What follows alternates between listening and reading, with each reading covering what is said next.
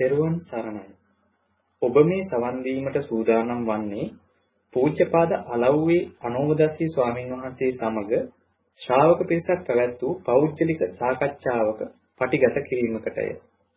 මෙය පෞද්ගලිකව පැවැත් වූ සාකච්ඡාවක් වුවද එහි සාකච්ඡා වන ධර්ම කරුණු ධර්මයේ සොයන බොහෝ දෙනාට ප්‍රයෝජනවත් වේ යන අදහසින් අන්තර්ජාලයට මුදා හැරෙන. එම නිසා මෙහි පටිගත කිරීමේ ගුණාත්මක භාවය ඇතුළු අනිකුත් නොවැදගත් කරුණු සඳහා අවධානය යොමු නොකර සූත්‍රයට හා විනයට ගලපා බලා ධර්ම කරුණු පමණක් උකහා ගැනීමට උත්සාහවත් වන ලෙස මෙත් සිතින් සිහිපත් කරමු. සේරුවන් සරණයි.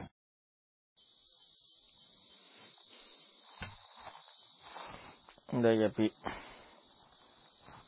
අද දවසේදී සාකච්ඡාව පටන් ගමු. අපි ඊයේ කතා කරා ධර්මය අවබෝධ කර ගැනීම සඳහා තමා තුළ තිබිය යුතු අංග. ඒ අංග තියෙනවා නම් තමයි ධර්මය අවබෝධ කරගන්න පුළුවන්. ඒ අංග නැතිනම් බෑ. එතකොට අපිට මේ අවස්ථාවේ කතා කිරීම ගොඩාක් වැදගත් වෙන්නේ මොකද මේ අපි දැන් ධර්මය අහලා එතකොට ඒ අහපු ධර්මයත් එක්ක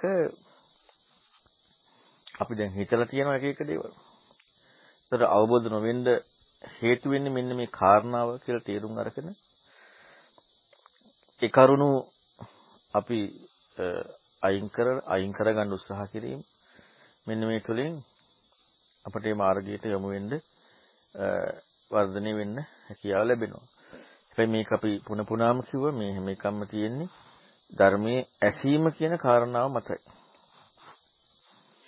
ඒතකොට ධර්මයේ අසන්න නැතුව මේ කාරණාව කියන එක නෙමෙයි. එහෙනම් ධර්මයේ ඇසීමත් එක්ක තමයි කතම් පරි කතම් න කතම් පරිබෝධති න කතිකම් පරිබෝධති න අත්තානම් පරිබෝධති ඔය කරුණු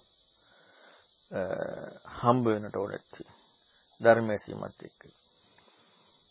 එහෙනම් අපි ඒකට ධර්මය අහන්නට ඕනේ. ධර්මය අහන ක්‍රමෙත් කිව්වා. ඒ ක්‍රමයට අහන්නට ඕනේ. එහෙනම් අපි ඒ ක්‍රමයට ධර්ම ඉගෙන ගන්නදි තමයි අපිට පුළුවන්කමක් ලැබෙන්නේ මේ සම්බුද්ධ ශාසනයෙන් ප්‍රයෝජන ගන්න. අද අපි කතා කරන්නේ මේ ශාසනය පැවැත්මට හේතු වෙන කරුණු. මොකද මේ ධර්මය ඉගෙන ගැනීම කියන කාරණාව එක්ක අර අන්තිම පුරුෂයා වෙන්න එපා කියනවනේ. ධර්ම ඉගෙන ගන්න කාරණාව එක්ක එයා ඒකට යොමු වෙන්නේ නැහැ. මොකද එච්චරට මේ ධර්මයේ තියෙන ස්වභාවයත් එක්ක. අවබෝධ කරගන්නත් හේතු වෙනවා. ඒ වගේම තමයි ශාසනය විනාශ වෙන්නත් හේතුන කරුණු මේ පවතිනත් හේතු වෙනවා. ඉතින් ඒ නිසා අපි අද මේ සූත්‍ර තුන මම හිතනවා බලන්න ඇති.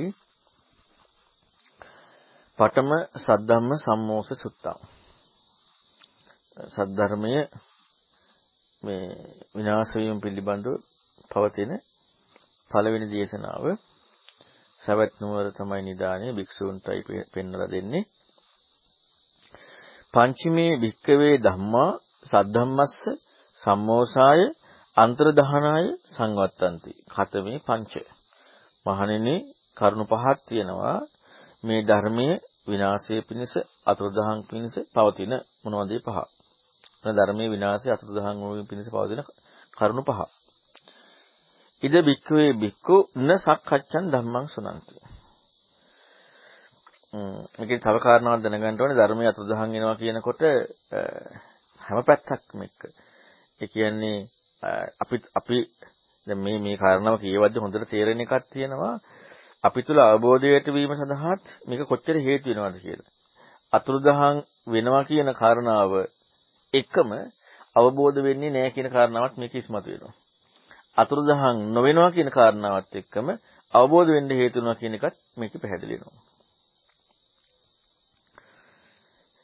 සකසා ධර්මය අහන්නේ ඔන්න එහෙනම් අතුරුදහන් වෙන්න එක හේතුව සකසා ධර්මය අහන්නේ.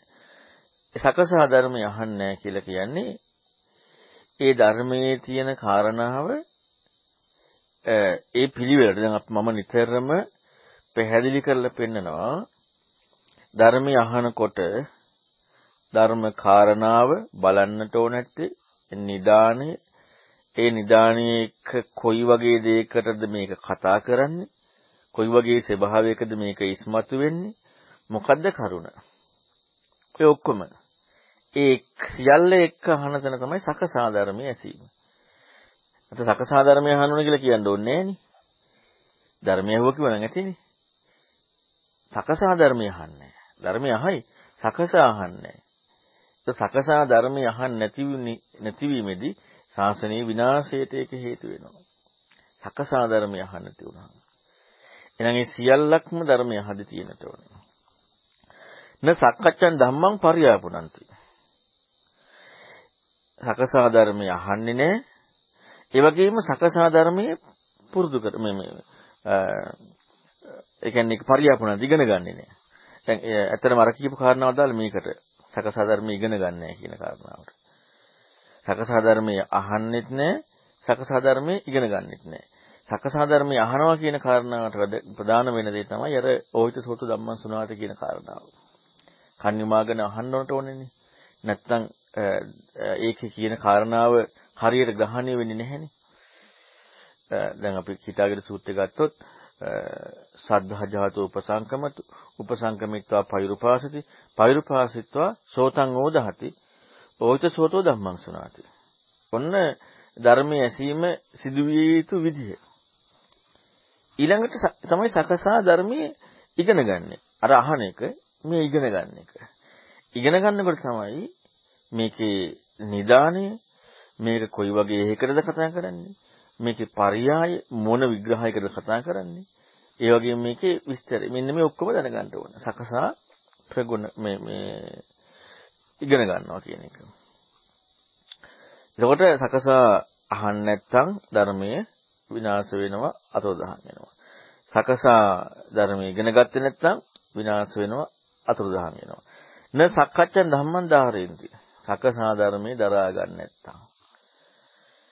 සකසා ධර්මයේ දරාගත්තේ නැත්නම් ඒත් විනාශ වෙනවා අතුරුදහන් වෙනවා. එතන මේ කරුණ ටිකම තියෙනවනේ අර මේ කීටාගල සූත්‍රෙත්. දරාගන්නේ සකසලා නෙමෙයි. දරාගන්නේ අපි අර ග්‍රහණය කරගත්ත දේ. සකසා ධර්මයේ දරාගන්නේ. ඒකත් අතුරුදහන් වෙන්න හේතු වෙනවා. ඊළඟට න සක්කච්ඡන් දතානං ධම්මානං අත්ත උපපරික්ක උපපරික්ඛන්ති. දත ධාරණය කරගත්තා වූ ධර්මයේ අර්ථය සකස් කරලා කියන්නේ ඒ විදිහටම උපපරීක්ෂණය කරන්නේ නැහැ. කල්පනා කරන්නේ නැහැ. ඒකත් ධර්මයේ අතුරුදහන් වෙන්න හේතු වෙනවා. න සක්කච්ඡන් අත්තමඤ්ඤාය ධම්මමඤ්ඤාය ධම්මාන්දම් පටිපන්නං ආපජ්ජಂತಿ. ධම්මාන ධම් පටිප ධම්මාන ධම්ම ධම්මාන ධම්මං පටිපජ්ජಂತಿ. එතකොට සකස් කරලා දැන් අර්ථ විමසු නැතිනම් අනිවාර්යයෙන්ම සකස් කරලා ඒකේ අර්ථය ඒකේ ධර්මය හම්බ වෙන්නෙත් නැහැ.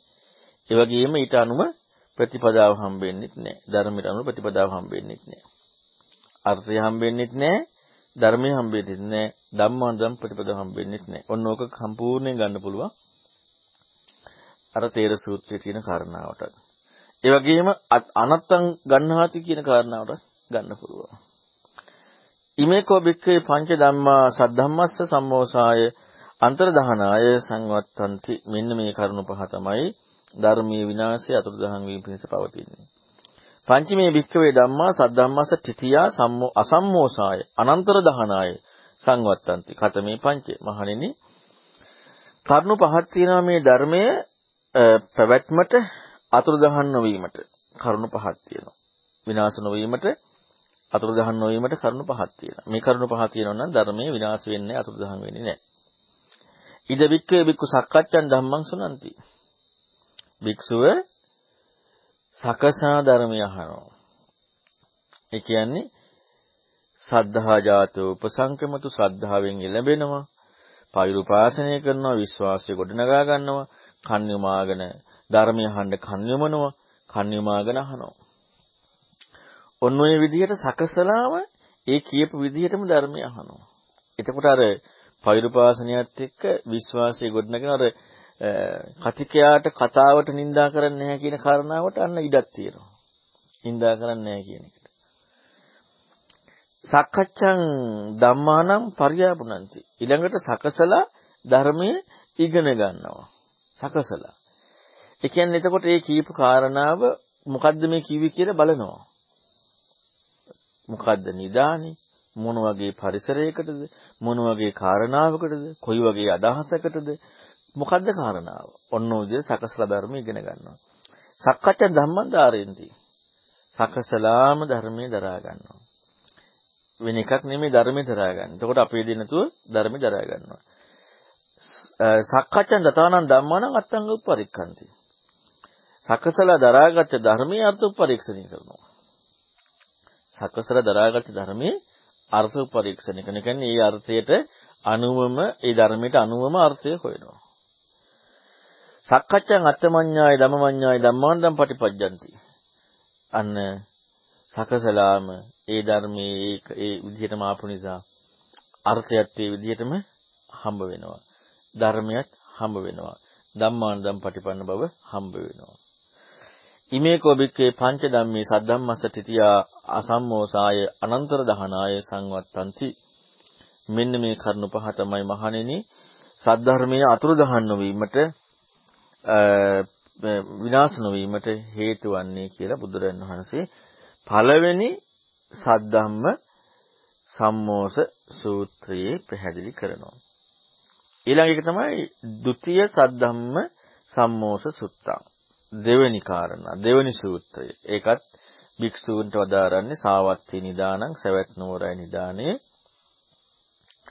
පංචමේ වික්කවේ ධම්මා සද්ධම්මස්ස සම්මෝසාය අන්තරදහන අන්තරදහනාය සංවත්තන්ති කතමේ පංච මහණෙනි මෙන්න මේ කරුණු පහ සද්ධර්මයේ විනාශය අතුරුදහන් වීම පිණිස පවතිනවා. කතමේ පංච මොකද්ද පහ? ඉද භික්කවේ භික්ඛු මහණෙනි මෙහිලා භික්ෂුව ධම්මං න පරියාපුනಂತಿ සුත්තං ගෙය්‍යං වෙය්‍යාකරණං ගාතං උදානං ඉති උත්තකං ජාතකං අබ්බූත ධම්මං වේදල්ලං. අයං භික්ඛවේ පඨමෝ ධම්මෝ සද්ධම්මස්ස සම්මෝසාය අන්තරදහනාය සංවත්තති. මොකද්ද පළවෙනි කාරණාව? මේ ධර්මයේ ඉගෙන ගන්නේ නැහැ කියනවා.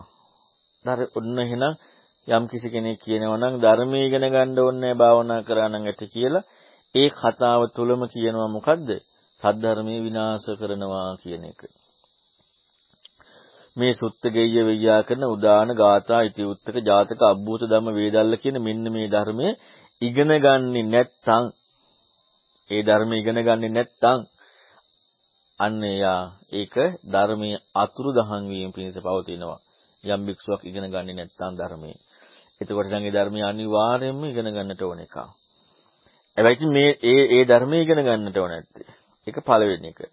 පුනච පරං භික්කවේ භික්ඛු මහණෙනි මම නැවතත් කියනවා මෙන්න මේ විදිහට භික්ෂුවක් යථාසුත්තං යථා පරියන්තං ධම්මං නවිතාරේන පරේසං දේසෙන්ති. අයම් භික්කවේ ဒ ුතියෝ ධම්මෝ සද්ධම්මස්ස සම්මෝසාය අන්තරදහනාය සංවත්තති. දෙවෙනි කාරණාව මොකද්ද? මහණෙනි ඒක නැවත එකක් ඈ. මේ එකක් තියෙනවනම් අතුරුදහන් වෙනවා. අනිත් එක තමයි යථා සුත්තං යථා පරියන්තං අහලා දරාගත්ත ඒ පරියාත්ති වශයෙන් අම්බවෙච්ච ධර්මය න විචාරණ විස්තර වශයෙන් පරේස අන් අයට දේශනා කරන්නේ නැහැ. විස්තර වශයෙන් අන් අයට දේශනා කරන්නේ නැහැ. මෙන්න මේ කාරණාව සද්ධර්මයේ විනාශයේ පිණිස පවතින අතුරුදහන් වීම පිණිස පවතින දෙවෙනි කාරණාව. එතකොට එහෙනම් ඒ කාරණාව සිදු වෙන්නේ නැතිනම් ඒ කියන්නේ විස්තර වශයෙන් ධර්මයේ දේශනා කරන්නේ නැතිනම් විස්තර වශයෙන් කියන්නේ ඒක ධර්මයේ තියෙන කාරණා විස්තර වශයෙන් දේශනා කරන්නේ නැත්නම් ඒක ධර්මයේ අතුරුදහන් වෙන්න හේතු වෙනවා.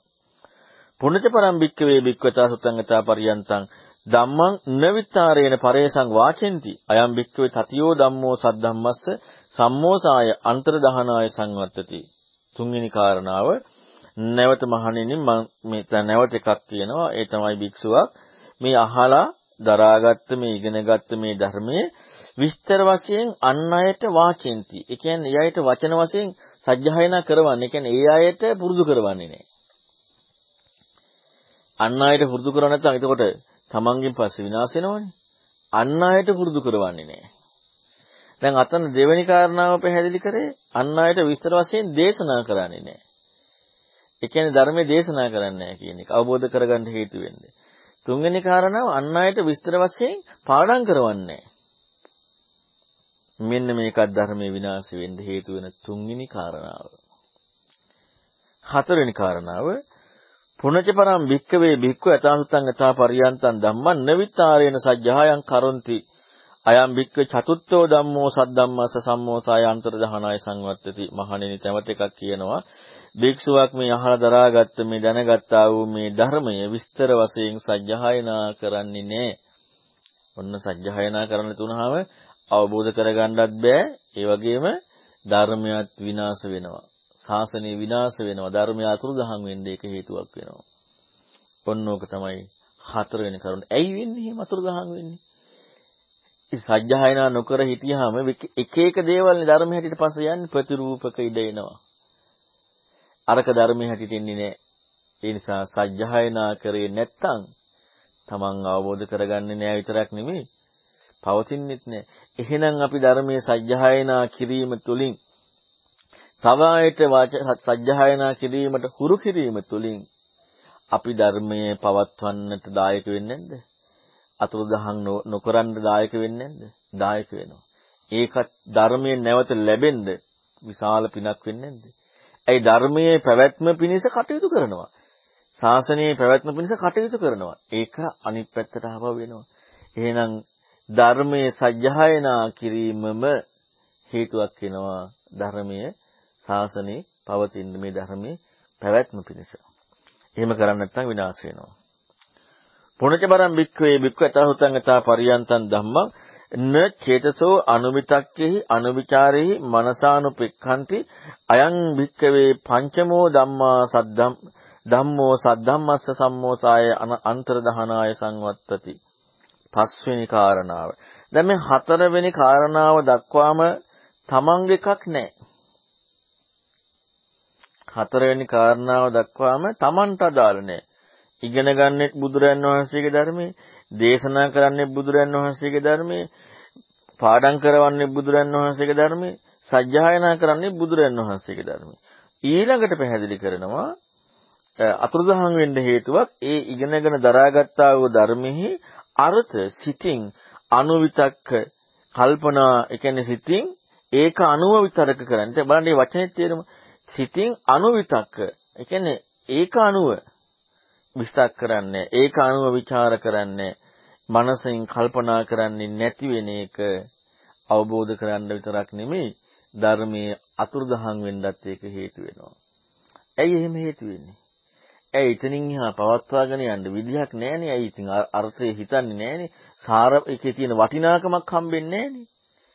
වටිනාකමක් හම්බෙන්නේ නැති නිසා ඒක පවත්වන්න ඉඩ නැති වෙනවා. මෙන්න මේ කරුණ පහ ධර්මයේ විනාශ වෙන්නේ. මේකෝ භික්කවේ පංච ධම්මා සද්ධම්මස්ස සම්මෝසාය අන්තරදහනාය සංවත්තති. ධර්මයේ අතුරුදහන් වෙන්න විනාශ වෙන්න හේතු වෙනවා. පංචමේ භික්කවේ ධම්මා සද්ධම්මස්ස තිතියා සම්මෝසාය අසම්මෝසාය අනන්තර දහනාය සංවත්තන්ති කතමේ පංච මහණෙනි මේ කරුණු පහක් තියෙනවා සද්ධර්මයේ පැවැත් විනාශ නොවීමට අතුරුදහන් නොවීමට. මොනවද ඒ කරුණු පහ? ඉද භික්ඛවේ භික්ඛු ධම්මං පරියාපුනන්ති සුත්තං ගෙය්‍යං වෙය්‍යාකරණං ගාතං උදානං ඉතිඋත්තකං ජාතකං අබ්භූත ධම්මං වේදල්ලං අයම් භික්ඛවේ පඨමෝ ධම්මෝ සද්ධම්මස්ස තිතියා අසම්මෝසාය අනන්තර දහනාය සංවත්තති. මෙහිලා මහණෙනි භික්ෂුව ධර්මය ඉගෙන ගන්නවා. මොනවද සුත්ත ගෙය්‍ය වෙය්‍යාකරණ ගාථා උදාන ඉතිඋත්තක ජාතක අබ්භූත ධම්ම වේදල්ල මේ සාස් ධර්මයේ පවතින හේතු වෙන එක වෙන දේවල් කරාට ධර්මයේ පවතින හේතු වෙන්නේ හොඳට මතක තියාගන්න. මොකද වෙන දේවල් ඉතින් අනිස්සාසනලා තියෙනවනේ. සීලය රැකීමෙන්, සමාධිය වැඩිවීමෙන්, භාවනා ඒවා අනිස්සාසනලා මේ බුදුරන් වහන්සේගේ ධර්මයේ පවතින්නේ. එහෙනම් බුදුරන් වහන්සේගේ ධර්මයේ පවතින්නට හේතුවක් වෙනවා මොකද්ද? මෙන්න මේ සුත්තගය වෙయ్యා කරන උදාන ඉතිඋත්තක ජාතක අබ්බූත ධම්ම වේදල්ල කියන මෙන්න මේ ධර්මය ඉගෙන ගැනීම ධර්මයේ පවතින්නට හේතුවක් වෙනවා. පුනච පරම් භික්ඛවේ භික්ඛු අතහුත්තං තා පරියන්තං ධම්මං විත්තාරේන පරේසං දේශෙන්ති අයම් භික්ඛවේ ဒ ුතියෝ ධම්මෝ සද්ධම්මස්ස තිතියා අසම්මෝසාය අනන්තර දහනාය සංවත්තති නැවතත් මහණෙනි භික්ෂුවක් මේ අහපු ධර්මය මේ ඉගෙනගත්ත ධර්මය විස්තර වශයෙන් අන් අයට දේශනා කරනවා නම් මෙන්න මේක මහණෙනි දෙවැනි කාරණාවයි මේ ධර්මය පිහිටීමට විනාශ නොවීමට අතුරුදහන් නොවීමට හේතු වෙන. ඒ කියන්නේ විස්තර වශයෙන් දේශනා කිරීම. එහෙනම් ඒක කරනවා නම් ඒකත් ධර්මය පිහිටන්න ධර්මයේ අතුරුදහන් නොවෙන්න හේතුවක්. ඒ වගේ දෙයකට දායක වෙනවා කියන්නේ අනාගතේ අවබෝධ නොකලත් කවදා හරි ධර්මයේ පවත්තිය සඳහා දායක වීම තුලින් ඒ ධර්මයේ නැවත ලැබෙන්න හේතු වෙනවා. අන්න අන්න ඒ පින අන්න ඒ විදිහ තමයි ඒක ලැබෙන්නේ.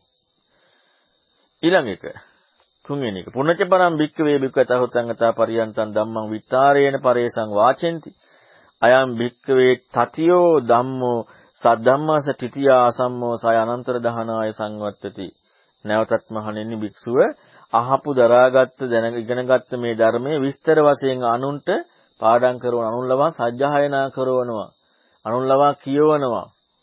මෙන්න මේ කාරණාව තුන්වෙනි එක තමයි ධර්මයේ අතුරුදහන් නොවීමට විනාශ නොවීමට පිහිටීමට හේතු වෙන හතරවෙනි කාරණාව. පුණජ බරම් බික්කවේ බික්වතා හුතංගතා පරියන්තං ධම්මං විත්තාරේන සජ්ජායන් කරොන්ති. අයම් භික්ඛවේ චතුත්ථෝ ධම්මෝ සද්ධම්මස්ස තිතියා අසම්මෝ සාය අනන්තර දහනාය සංවත්තති. හතරවෙනි කාරණාව තමයි විස්තර වශයෙන් ධර්මයේ සජ්ජායනා කිරීම ධර්මයේ පැවැත්වීමට අතුරුදහන් නොවීමට විනාශ නොවීමට හේතු වෙනවා. පස්වෙනි කාරණාව පුනච පරම් භික්කවේ භික්ඛු අතාහුතං අතා පරියන්තං ධම්මං චේතසා අනුවිතක්කේ අනුවිචාරේ මනසානුපෙක්ඛන්ති. අයම් භික්කවේ පංචමෝ ධම්මෝ සද්ධම්මස්ස තිතියා සම්මෝසාය අනන්තර දහනාය සංවත්තති. පස්වෙනි කාරණාව අහලා ඉගෙනගත්ත ධර්මයේ ඒ චිතින් අනුවිතක්ක අනුවිචාර කරනවා මනසානුපෙක්ක. ඒතකොට මේ උපසුත ධනියට නයිද? මනසින් කල්පනා කරනවා මෙන්න මේක තමයි පස්වෙනි කාරණාව ධර්මයේ පිහිටීමට විනාශ නොවීමට අතුරුදහන් නොවීමට. එහෙනම් බලන්න හරියට ඒ දේ කරොත් හරියට මේ කරුණු කරගෙන ගියොත් ඊළඟ ජීවිතවලටත් අවබෝධ කරන්න හේතු වෙන්නේ ඒක නේද? අර අවබෝධ කර ගැනීම සඳහා ඇතුළතින් ගොඩනගෙන යුතු අංග ඇතිවීමට මේ ධර්මයේ මේ විදිහට කරනකොට න කතිකං න කතං හෝති න කතං පරිභෝති න කතිකං මොයේ කරුණු ඒව ගොඩනගෙන්න හේතුකාරක ධර්ම බවට පත් වෙනවා.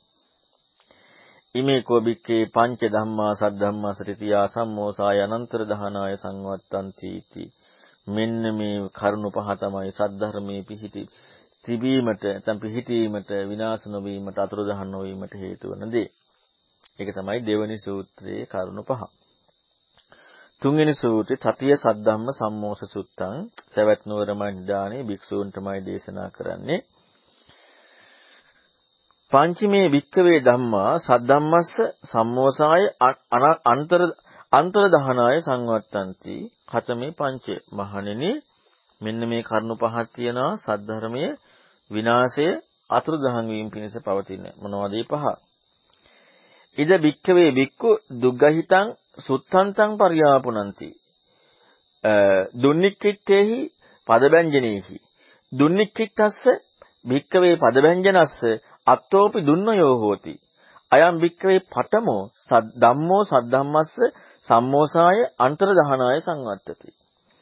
ඔන්න පළවෙනි කාරණා. එතකොට දැන් මේක අපි දැන් ඔයාලා සීල දනම දන්නවනේ මේ මේ අවස්ථාවේදී බුදුරන් වහන්සේ පෙන්නපුවානේ.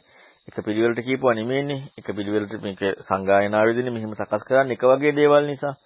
ඒ ඒ අවස්ථාවේදී ඒ ඒ කාරණා හේතු කරගෙන භාග්‍යතුන් වහන්සේ පැහැදිලි කරපු දේ තමයි මේ පැහැදිලි වෙන්නේ. මහණෙනි මෙහිලා භික්ෂුව වැරදි විදිහටයි සුත්තං පරියාපුනන්ති මේ සූත්‍ර ඉගෙන ගන්නෙ. වැරදි විදිහටයි ඉගෙන ගන්නෙ. ඉගෙන ගන්නවා වැරදි විදිහටයි ඉගෙන ගන්නෙ. දැන් කලින් එකේ ඉගෙන ගන්න නෑනේ කිව්වේ. ඊළඟට ඒ සූත්‍ර දෙකේම හිම කිව්වනේ. දැන් මේකේ කියනවා ඉගෙන ගන්නවා. වැරදි විදිහටයි ඉගෙන ගන්නෙ. දුන්නික් දුන්නික්කිත්තේහි පදවැංජනේහි දැන් එතකොට ඉගෙන ගන්න වැරදි විදිහටයි කියන කාරණාව පැහැදිලි කරන්නේ කොයි විදිහටද? වැරදි විදිහටයි පදවැංජන ගන්නෙ. ඒ කියන්නේ පදවැංජන පිළිවෙලක් එක්ක භාග්‍යතුන් වහන්සේ පෙන්වා දීලා තියෙන්නේ. මේ පදවැංජන ගන්න වැරදි විදිහට. වැරදි විදිහට ඉගෙන ගන්නවා, සූත්‍ර ඉගෙන ගන්නවා. වැරදි විදිහටයි පදවැංජන ටික ගන්නෙ. කොච්චර ලස්සනද? ඒකමනේ වෙන්නේ. ඒ පදවැංජන ටික ගන්න වැරදි විදිහකට. ඒ ඉගෙන ගැනීම. දුන්නික්කිට්ටස්ස බික්කවේ පදවැංජනස්ස අත්ව දුන්නයෝ හෝති. වැරදි විදිහට පදවැංජන ගත්තට පස්සේ අර්ථයත් වැරදි. හරිනේ ඒක. අර්ථයත් වැරදි. අයම්බික්කේ පඨමෝ ධම්මෝ සද්දම්මස්ස සම්මෝසය අනන්තර අන්තර දහනයස මේක පළවෙනි ධර්මය තමයි ධර්මය අතුරුදහන් වෙන්නේ. එහෙනම් හොඳට හිතන්න අපි ධර්මය අහනවා එක එකයි එක එක ධර්මයේ කියනවා. මේවා වුණා නම් මේ විදිහට වුණා නම් එයා ධර්මය පවත්වන්නට දායක වෙන කෙනෙක්ද විනාශ කරන්න දායක වෙන කෙනෙක්ද? හොඳට හිතන්න. එහෙනම් ධර්මයේ දේශනා කිරීම කියන එක කොච්චර වැදගත්ද? වැරදි විදිහට පදවැංජන අරගෙන සූත්‍රය අරගෙන වැරදි විදිහට ඒක ඉගෙනගෙන වැරදි විදිහට ඒ කාරණාවේ අර්ථය හම්බ වෙනවා. ඒක ධර්මයේ විනාශ කරන්නමයි හේතු වන්නේ. ඒක ධර්මයේ පවත්වන්න හේතු වෙන්නේ නැහැ. හොඳට හිතන්න මේ කාරණා පිළිබඳව. පුනචපරම් භික්ඛවේ භික්ඛු දුබ්බ දුබ්බවා හෝති දෝවචස්ස කරණේහි ධම්මේහි සමන්නාගතෝ අක්ඛමා අපදක්ඛින ගාහිනෝ අනුසාස අනුසාසති අනුසාසනින් අයම් භික්කවේ ဒ ුතියෝ ධම්මෝ සද්දම්මස්ස සම්මෝසාය අන්තර දහනාය සංවත්තති යන දෙවෙනි කාරණාව. දැන් පළවෙනි කාරණාව පැහැදිලි කරේ ධර්මයේ ඉගෙන ගන්න වැරදි විදියට කියන එක. එහෙනම් ඒක සම්පූර්ණයෙන් ශාසනීය ධර්මයේ විනාශ කරන්න දායක වෙන කෙනෙක්. දෙවෙනි කාරණාවේ පැහැදිලි කරනවා මහණෙනි භික්ෂුවක් කීකරු නැහැ. කීකරු කරණේ ඉන්නේ. කීකරු කීකරු නැහැ. ඒ වගේම කීකරු ස්වභාවයෙන් නැහැ. සුවච නැහැ. කීකරු ස්වභාවයෙන් නැහැ. ඒ කීකරු ස්වභාවයෙන් තොර වූ ධර්මයන්ගෙන් සමන්නාගත වෙන. කීකරු නැහැ කියනකොට ඉතින් කීකරු දැන් කීකරු කියලා කියනකොට ප්‍රකට වෙනවා කීකරුද අකීකරුද කියන එක. එතකොට ප්‍රකට වෙන්නේ අකීකරු ස්වභාවය නා. අන්න අකීකරු ධර්මයෙන් යුක්තයි. ඒ ඒ අකීකරු ධර්මයෙන් යුක්ත වෙන්නේ ඇයි? කීකරු නැති නිසා. කීකරු නැත්නම් අකීකරු ධර්මයෙන්ම යුක්තයි. අක්ඛමා පදක්ඛින ගාහිනෝ අනුශාසති. අනුශාසනාව පැදකුණු කොට ඉවසන්නේ නැහැ. අනුශාසනාව පැදකුණු කොට ඉවසන්නේ නැහැ. ඒ කියන්නේ ගෞරවයෙන් පැදකුණු කොට මේ කාගේද මේ ගතිය? කීකරු නැති කෙනාගේ කීකරු නැති ගතිය ඉස්මතු වෙනවා අනුශාසනාව පැදකුණු කර ඉවසන්නේ නැහැ. අයම් භික්කවේ ဒ ුතියෝ ධම්මෝ සද්දම්මස් මේක තමයි දෙවෙනි කාරණාව ධර්මයේ අතුරුදහන් වෙන්න හේතු වෙන. එතකොට දැන් තමන්ගේ කියන කාරණාවට එහා ගිහිල්ලා මේක හේතුවක් වෙනවා මේ ශාසනයේදී කතා කරන්නේ.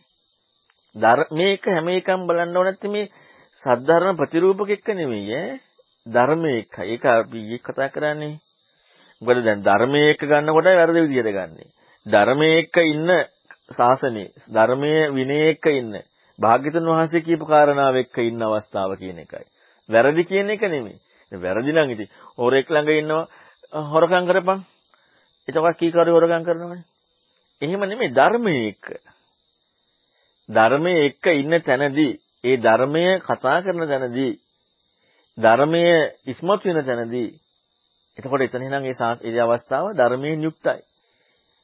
ධර්මයේ කතා කරන්නේ. මොකද මේක කලාතුරකින් ලැබෙන අවස්ථාවක් නෙමෙයි ධර්මයේ කියන එක. මේක මේ මේ දැන් අපි හිතනවා වගේ මේ අර මේ මේ හැමතැනම තියෙන එකක් නෙමෙයිනේ. කලාතුරකින්. එතකොට එහෙනම් කලාතුරකින් ලැබෙන මේ අවස්ථාව ඒක එක්ක කතා කරනකොට අන්න එතනදී යම් කිසි කෙනෙකුට කීකරු නැත්නම් කීකරු කරුණ වලින් යුක්ත නැත්නම් අකීකරු කරුණ වලින් යුක්තයි නම් ඒකේනා අනුශාසනාව පැදකුණු කොට ඉවසන්නේ නැහැ. ඒතර අනුශාසනාව හැම එකක්ම මෙන්න මේක පැදකනකොට ඉවසන්නේ නැහැ. මේක තමයි දෙවෙනි කාරණාව ධර්මයේ අතුරුදහන් වෙන්න හේතු වෙන. පුනචපරම් භික්කවේ යේතේ භික්ඛු බහුසුතා ආගතගම ධම්මදරා විනයදරා මාතිකදරා මාතිකාදරා තේන සක්කච්ඡං සුත්තන්තං පරං වාචෙන්ති තේසං අචයේන චින්න මූලකෝ සුත්තන්තෝ හෝති අපපටි සරණෝ අයං භික්කවේ තතියෝ ධම්මෝ සද්දම්මස සම්මෝසාය අන්තර දහනාය සංවත්තති තුන්වෙනි කාරණාව. මොකක්ද තුන්වෙනි කාරණාව? යම් භික්ෂුවක් ඉන්නවා බහුසුතයි ඒ වගේම බහුසු ස්වභාවයට ඇවිදිලා ධර්මදරයි ධර්මදර ස්වභාවයට ඇවිදිලා ඊළඟට විනයදරයි විනයදර ස්වභාවයට ඇවිදිලා ඊළඟට මාතික දරා ඒ කියන්නේ ධර්ම කරුණු මේ මාත්‍රිකා වශයෙන් ඒ තියෙන කරුණා එක්ක ඒක දරාගෙන ඉන්නවා. නමුත් තේන සක්කච්ඡන් මේක සකසලා ඒ ධර්මය පරංවා අන් අයට පාඩම් කරවන්නේ අන් අයට සජ්ජායනා කරවන්නේ. එතකොට මොකද වෙන්නේ? තේසන් ඔහු නැති වුණා ඔහු මරුණාට පස්සේ ඔහු විනාශ වුණාට පස්සේ මේ ධර්මය මේ සූත්‍රය ආයේ නැති වෙලා යනවා. එයාගේ මරණයෙන් පස්සේ ඒක නැති වෙලා යනවා. ඒ දැන් එයා අනික් අයට වෙන එක එක අර්ථ දරා ගන්න පුළුවන්. ආ ධර්මීය කියන්නේ චතුරාර්ය සත්‍ය කියන්නේ අපට තේරෙන එකක් එහෙම නෙමෙයි. දේශනාවේ තියෙන එකම. වාචෙන්ති කටපාඩම් කෙරෙව්වේ නැත්නම් සජ්ජහායනා කෙරෙව්වේ නැත්නම් අන්න ඒක මිකරුණ නිසා. එයාගේ ඇවෑමෙන් ඒක නැති වෙනවා. අන්න ඒ නිසා ඒක ධර්මයේ අතුරුදහන් වෙන්න හේතුවක් වෙනවා කියලා බුදුරජාණන් වහන්සේ පැහැදිලි කරනවා. ඒක තුන්වෙනි කාරණාව. හතරවෙනි කාරණා. පුන්නච පරම් භික්කවේ තේරා භික්ඛු බහුලිකා හොන්ති සාතලිකා. ඔක්කමනේ පුබ්බංගමා පවිවේකේ නික්කිට දුහුරා. න විරියං ආරභන්ති. අපත්තස්ස පත්තියා අනදිගතස්ස අධිගමාය අසච්චිකතස්ස සච්චි කිරියාය තේසම් පච්චිමා ජනතා දිඨානුගතින් ආපජ්ජති. සාපි හෝති බහුලිකා සාතලිකා. ඔක්කමනේ පුබ්බංගමා පවිවේකේ අනික්කිට දුහුරාන විරියං ආරභති. අපත්තස්ස පත්තියා අනදිකතස්ස අධිගමාය අසච්චිකතස්ස සච්චි කිරියාය අයම් බික්ක චතුත්ථෝ ධම්මා ධම්මෝ සද්ධම්මස්ස සම්මෝසාය අන්තර්දහනාය සංවත්තති. හතරවෙනි කාරණාව. තේර භික්ෂුවක් ඉන්නවා. බහුලිකයි පස්ති බහුලයි. ඊළඟට පත්‍ය බහුල කරලා ඉන්නවා. ශාසනයේ එච්චර ලිහිල් කරලා කියන්නේ ඒ ඒකට එච්චර තැනක් හම්බෙලා නැහැ. ඒ වගේම ශාසනය ලිහිල් කරගෙන ඒකට තැනක් හම්බෙලානේ. ඒ වගේම තමයි මේ හැම වෙලේම තියෙන මේ මේ අර නීවරණ වලින් යුක්තව තමයි මුල් වෙලා තියෙන්නේ හැම වෙලේම ජීවිතේ. ජීවිතේ නීවරණ වලින් තමයි මුල් වෙලා තියෙන්නේ. ඒ කියන්නේ දැන් ඒක ඒ අනිවාර්යෙන් එක වෙද්දී එනවනේ. නීවරණ වලින් ජීවිතේ මුල් වෙලා. ඒ වීරිය අතහැරලා. වීරියක් වීරියක් කරන්නේ නැහැ. වීරිය අතහැරලා. නවිරියන් විරිය වීරිය පටන් ගන්නෙ නෑ. වීරිය අතහැරියා ඊළඟට වීරිය පටන් ගන්නෙත් නෑ. අපි ඒ නිසා මොකද වෙන්නේ? නොපැමිණිච්ච නොලබපු අධිගමයන් ලබන්නේ නෑ. නොලබපු දේ ලබන්නේ නෑ. නොලබපු අධිගමයන් ලබන්නේ නෑ. සාක්ෂාත් නොකරපු දේ සාක්ෂාත් කරන්නේ නෑ. මේක නිසා මොකද වෙන්නේ? පච්චිම ජනයා එයාගේ දිට්ඨියට අනුගත වෙනවා. ඒක නිසා මොකද වෙන්නේ? ඔවුනොත් බහුලික වෙනවා. ප්‍රතිබහුල වෙනවා. ඔවුනොත් ශාසනය ලිහිල් වෙනවා. ඔවුනොත් නීවරණයේ මේ මුල් කරගෙන නීවරණයේ පූර්වාංග කරගෙන පවිවේකයේ අයින් කරලා පවිවේකයට යමු වෙන්නේ නැතුව වීරිය අතහැරලා පටන් ගත්ත වීරියෙන් නැතුව වාසය කරනවා. ඒ නිසා නොලබපු දේ ලබන්න බෑ. නොලබපු අධිගමයක් ලබන්න බෑ. සාක්ෂාත් නොකරපු දෙයක් සාක්ෂාත් කරන්න බෑ. මේක හතරවෙනි කාරණාව ධර්මයේ අතුරුදහන් වෙන්න හේතු වෙන. ඔන්න ඒකත් හේතුවක්. එහෙනම් බලන්න කොච්චර වැදගත්ද ආධ්‍යාත්මයේ තුල ඒ පුරුදු කිරීම කියන එක. ශාසනය හැබැයි ශාසනය කියනකොට බුද්ධ ශාසනය එකයි. අන්‍යයන්ගේ දේවල් එක්ක නෙමෙයි. බුද්ධ ශාසනය එකයි. මෙන්න මේකත් ශාසනයේ පැවැත් අතුරුදහන් වෙන්න හේතු වෙනවා මෙන්න මේ විදිහට කටයුතු කිරීම. ඊළඟ කාරණාව පස්වෙනි එක. පුණජ පරම් භික්කවේ සංඝෝ බින්නෝ හෝති. සංඝේ කෝපන භික්කවේ බින්නෝ අඤ්ඤමඤ්ඤං අක්කෝස අක්කෝසච හොಂತಿ. අඤ්ඤමඤ්ඤං පරිභාසච හොಂತಿ. අඤ්ඤමඤ්ඤං පරික්ඛෝ පරික්ඛේපාච හොಂತಿ. අඤ්ඤමඤ්ඤං පරිජ්ජනාච හොಂತಿ. තත්ත අප්පසන්නා චේව නප්පසීදಂತಿ. පසන්නාච ඒකච්ඡාන අඤ්ඤත්තං හෝති අයම් භික්කවේ පංචමෝ ධම්මෝ සද්දම්මස්ස සම්මෝසාය අන්තර්ධානාය සංවතති පස්වෙනි කාරණාව. මොකද්ද පස්වෙනි කාරණාව වෙන සංගයා බිදිලා එකිනෙක කෙනාට අක්‍රෝෂ කරනවා පරිභව කරනවා. ඒ වගේම අක්‍රෝෂ කරනවා පරිභව කරනවා බනිනවා. මෙන්න මේ විදිහට කටයුතු කරන නිසා මොකද වෙන්නේ? නොපැහැදිච්ච අය පහදින්නේ නැහැ. නොපැහැදුනා නම් යම් කිසි කෙනෙක් මේ ශාසනයට පහදින්න හේතු වෙන්නේ නැහැ ප්‍රසන්න වෙච්ච අයගේ පැහැදිච්ච අයගේ කලකිරීමට හේතු වෙනවා මෙන්න මේක පස්වෙනි කාරණාව මේකත් එක්ක තමයි ගොඩක් අර නිදානේ නොපැහැදිව් අයගේ පැහැදීම පැහැදිච්ච අයගේ වඩා දියුණුවට තමයි ශික්ෂාපද පනවන්නේ. ඉමේකෝ බික්ඛවේ පංච ධම්ම සද්දම්මස සම්මෝසය අන්තර්දහනය සංවත්තති. මෙන්න මේක තමයි කරුණු පහ මේ ධර්මයේ අතුරුදහගෙන පවතින. පංචමේ බික්ඛවේ ධම්මා සද්දම්මස තිතිය අසම්මෝසය අනන්තර දහනය සංවත්තන කතමේ පංච. මෙන්න මේ කරුණු පහ පවතින ධර්මයේ පැවැත්මට. ඉද බික්ඛවේ බික්ඛු සුග්ගහිතං සුත්තන්තං පරියාපුනಂತಿ සුනික්කිතේහි පදව්‍යංජනේහි සුනික්කිතස්ස බික්කේ පදව්‍යංජනස්ස අත්තෝපි සුනයෝ හෝති අයම් බික්කේ පඨමෝ ධම්මෝ සද්ධම්මස්ස තිතියා අසම්මෝසාය අනන්තර දහනාය සංවත්තති මහණෙනි මෙහිලා භික්ෂුව මනාකොට සූත්‍ර ධර්මී ඉගෙන ගන්නවා සූත්‍ර ඉගෙන ගන්නවා මනාකොට සූත්‍ර ඉගෙන ගන්නවා. ඒතර සූත්‍ර කියන වචනේමයි තියෙන බලන්නකො සූත්‍ර කියන කාරණා මනාකොට සූත්‍ර ඉගෙන ගන්නවා. මනාකොට ඉගෙන ගන්නවා පද ව්‍යංජන. සූත්‍ර මනාකොට ඉගෙන ගන්නවාම කියලා කියන්නේ පද ව්‍යංජනත් මනාකොට යුක්ත වෙනවා. පද එතකොට පද ව්‍යංජනත් මනාකොට යුක්ත වුණාට පස්සේ අර්ථයත් මනාකොට යුක්ත වෙනවා. ඒ කියන්නේ හරිම අර්ථයකටත් යොමු වෙනවා. මෙන්න මේක කියනවා පළවෙනි කාරණාව ධර්මයේ පවතින හේතු වෙන. පුනච පරම්පික්කේ බික්කු සුබ්බමා හොಂತಿ සෝවචස්ස කරණීයේහි ධම්මේහි සමන්නාගතෝ khama පදක්ඛිනා ගාහිනෝ අනුශාසන අනුශාසනින් අයම් වික්කවේ ဒ ුතියෝ ධම්මෝ සද්ධම්මසතිතියා අසම්මෝ සාය අනන්තර දහනාය සංවත්තති මෙන්න දෙවෙනි කාරණාව මොකද දෙවෙනි කාරණාව සුවචයි ඒ කියන්නේ සුවච සුවචයි සුවචකරණේ ධර්මයෙන් යුක්තයි කීකරුයි කීකරු කරන ධර්මයෙන්ම යුක්තයි ඒකමයි සමන්නාගත තියෙන්නේ. අකිකර ධර්මයක් නෑ. කීකර ධර්මෙම සමන්නාගතයි. කමා පදක්කිනක් ගහ අනුශාසනාව පැදකුණු කොට ඉවසනවා. අනුශාසනාව පැදකුණු කොට ඉවසනවා.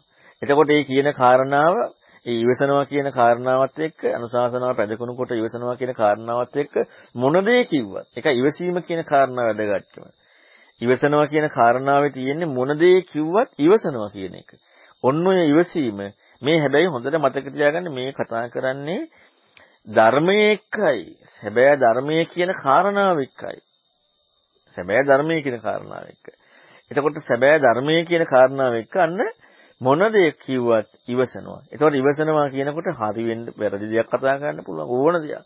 ඒකයි භාග්‍යවතුන් වහන්සේ මේ මේ හැම වෙලෙම අර ශාසනය පැහැදිලි කරන්නේ කල්යාණ මිත්‍රයා අනිත් කෙනා ගෝලයා ගුරුවරයා මෙන්න මේ කාරණාවේදී ධර්මයත් එක්ක මෙන්න මේ කාරණාවේදී ඒ අය හැදීම සඳහා ඒ කියන්නේ නිවන් මාර්ගට මේරීම සඳහා ඒක සම්පූර්ණයෙන් හේතු වෙනවා කියන්නේ. එතකොට මේක තමයි ධර්මයේ අතුරුදහන් නොවන්න හේතු වෙන දෙවැනි කාරණාව ඒ ඉවසීම. පැදකුණු කොට අනුශාසනාව ඉවසීම මේ ඉවසීම කියන වචනේ කතා කරන නිසා මම මේකට තව කාරණාවක් කියන්නම්. මේ ඉවසීම කියන වචනේ හරි වැදගත්. අපි අර ධම්මනිච්ඡානක්ඛන්ති කියන කාරණාව අනුලෝම කන්ති කියන කාරණාව එක්කත් ඉවසීම කියන වචනේ තියෙනවානේ කන්ති. ඒතකොට ඉවසනවා කියනකොට අපි මේක තේරුම් ගන්න ගොඩක් හොඳයි මේක හිතන එක. ඉවසනවා කියනකොට දැන් අපි හිතමු අපි සාමාන්‍ය ඉවසනවා කියන කාරණාව අපි හිතමු ඔන්න අපිට කවුරු හරි බයිනවා.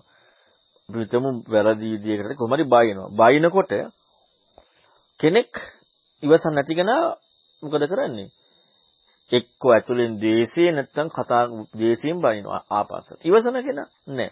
එතකොට ඉවසීම කියන ගතියට එයා තුළ මොකද්ද සිද්ධ වෙන්නේ? බයිනවා කියනකොට වෙන්නෙම තමන් කියන කාරණාවට වැරද්දක් නේ පැහැදිලි කරන්නේ.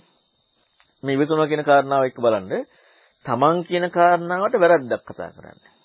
බයිනකොට. ඊළඟට කියන කාරණාවට පිටින් යන්නේ නැහැ. කියන කාරණාවට පිටින් යනවා නම් ඉවසන්නේ ගැටිලා අන්න කතා කර කර යනවා. නැත්තම් වෙන වෙන ප්‍රශ්න. කියන කාරණාවට ගැටෙන්නේ නැහැ. ඒක ඉක්මවා යන්නේ නැහැ. ඉවසීමෙන් තියෙන එක. අපිට අපිට දුක් වේදනාවක් එනවා කියලා. විශාල දුකක් එනවා. ඒ දුකේදිත් අපි ඉවසනවා. මොකද වෙන්නේ? දුකේදී ඉවසන්නේ අපි කටුකේට අකමැති. ඒ කියන්නේ තමා කියන කාරණාවට විරුද්ධ දෙයක් වෙන්නේ. තමා සැපටනේ කැමති.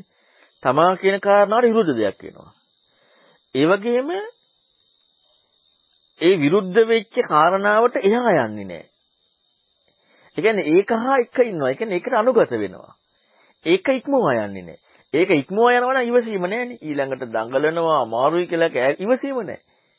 ඒක අභිභව යන්නේ නැහැ. තමා කියන කාරණාවට විරුද්ධ දෙයක් හම්බ වෙන්නේ. ඔන්න ඔක ඉවසීම කියන ගතියදී හම්බ වෙන්නේ. එතකොට දැන් ඒ කතා කරේ වනින එක අනුව ඉවසීම. කයට දැනෙන වේදනාව අසනීපය අනුව ඉවසීම. ඒක අනුව ඉවසීම. දැන් අතන කතා කරන්නේ අනුලෝම කන්තිය. ධර්මයට අනුව ඉවසීම. ධම්මනිච්ඡානකන්තිය. ධර්මයේ අතහර්ථය එක්ක ඉවසීම. අනුව ඉවසීම කියන එක යථාර්ථික ඉවසීම කියන එක දෙකම එකයිනේ. අය අනුල අනුව කියන්නේ යථාර්ථයනේ. ධර්මයේ යථාර්ථයම ඉවසීම. එතකොට එතන ඉවසනකොට මොකද වෙන්නේ? ඔන්න ඉවසීමේ ක්‍රියාව කෘත්‍යය තැනත් වෙන්නේ. මොකක්ද ඉවසීමේ කෘත්‍යය? ඉවසීම ඉවසන්නේ දැන් තමන් තමන්ගේ දෙයට ගැළපෙනවා නම් එතන ඉවසීමක් නෑනේ ෂෝක් අනේ මං ගැන වර්ණනා කරනවනේ තමන්ට හොඳ සැපක් තියෙනවනේ අයියෝ ෂෝක්නේ නියමයි එතන ඉවසන්නේ නැහැනේ එතන ඉවසීම කියන කාරණාව නෙමෙයි සතුටින් පිළිගැනීම කියන කාරණාව වෙදෙන්නේ දැන් තමන්ට තමන්ව වර්ණනා කරනවා නම් වෙන්නේ සතුටින් පිළිගැනීම. ඒ කියන්නේ තමන් ගැනම හම්බ වෙනවා නම් වෙන්නේ සතුටින් පිළිගැනීම.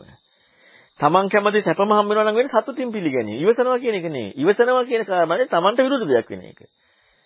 එතකොට ධර්මයේ අනුව ඉවසනවා කියනකොට ධර්මයේ ඇහෙනකොට මොකද වෙන්නේ? තමන් කියන කාරණාවට විරුද්ධ දෙයක් හම්බෙන්නේ. තමන් කියන කාරණාවට විරුද්ධ දෙයක් හම්බෙනවා.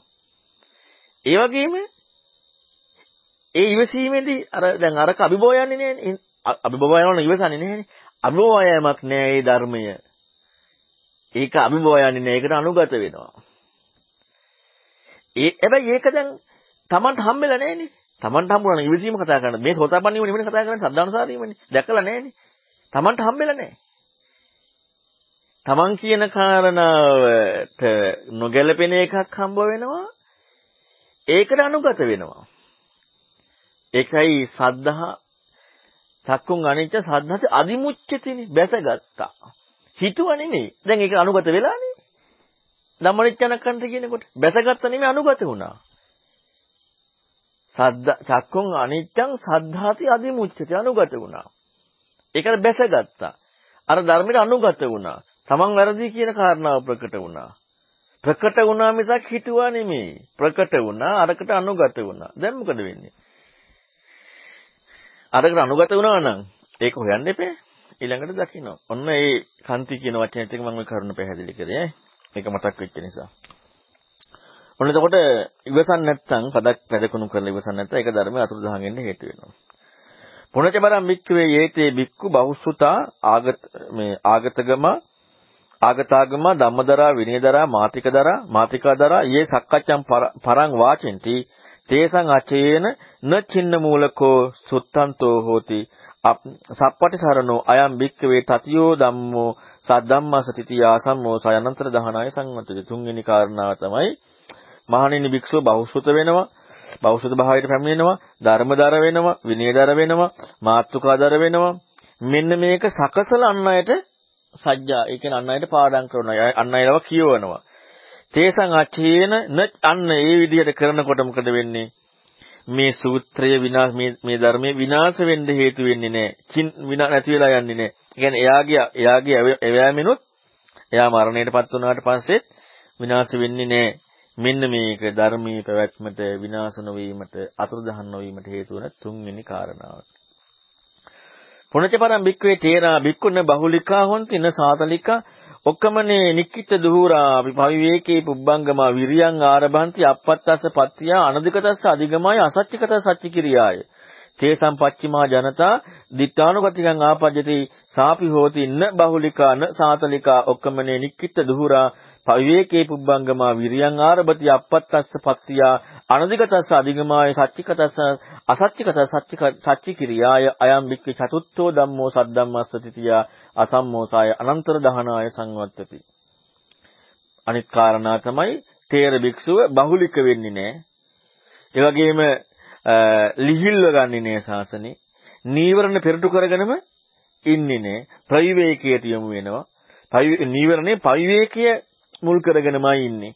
ඒකටමයි යොමු වෙලා ඉන්නේ. වීරිය පටන් වීරියක් වීරියෙන් යුක්තයි. පටන් ගත්ත වීරියෙන් යුක්තයි. වීරිය වීරිය පටන් ගන්නවා. එතකොට මොකද වෙන්නේ? නොපැමිණි දේ ලැබෙනවා. නොලබපු අධිගම හම්බ වෙනවා.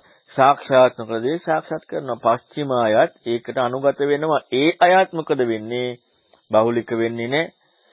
ලිහිල්ව ශාසනය ගන්නෙ නැහැ. ඒ කියන්නේ මේක සැහැල්ලුවට ගන්නෙ නැහැ. ඊළඟට පවිවේකයට අනුග ඒ කියන්නේ පවිවේකයේ තමයි පූර්වංග වෙලා තියෙන්නේ. ඒ වගේම වීරිය අතහැරලා නැහැ.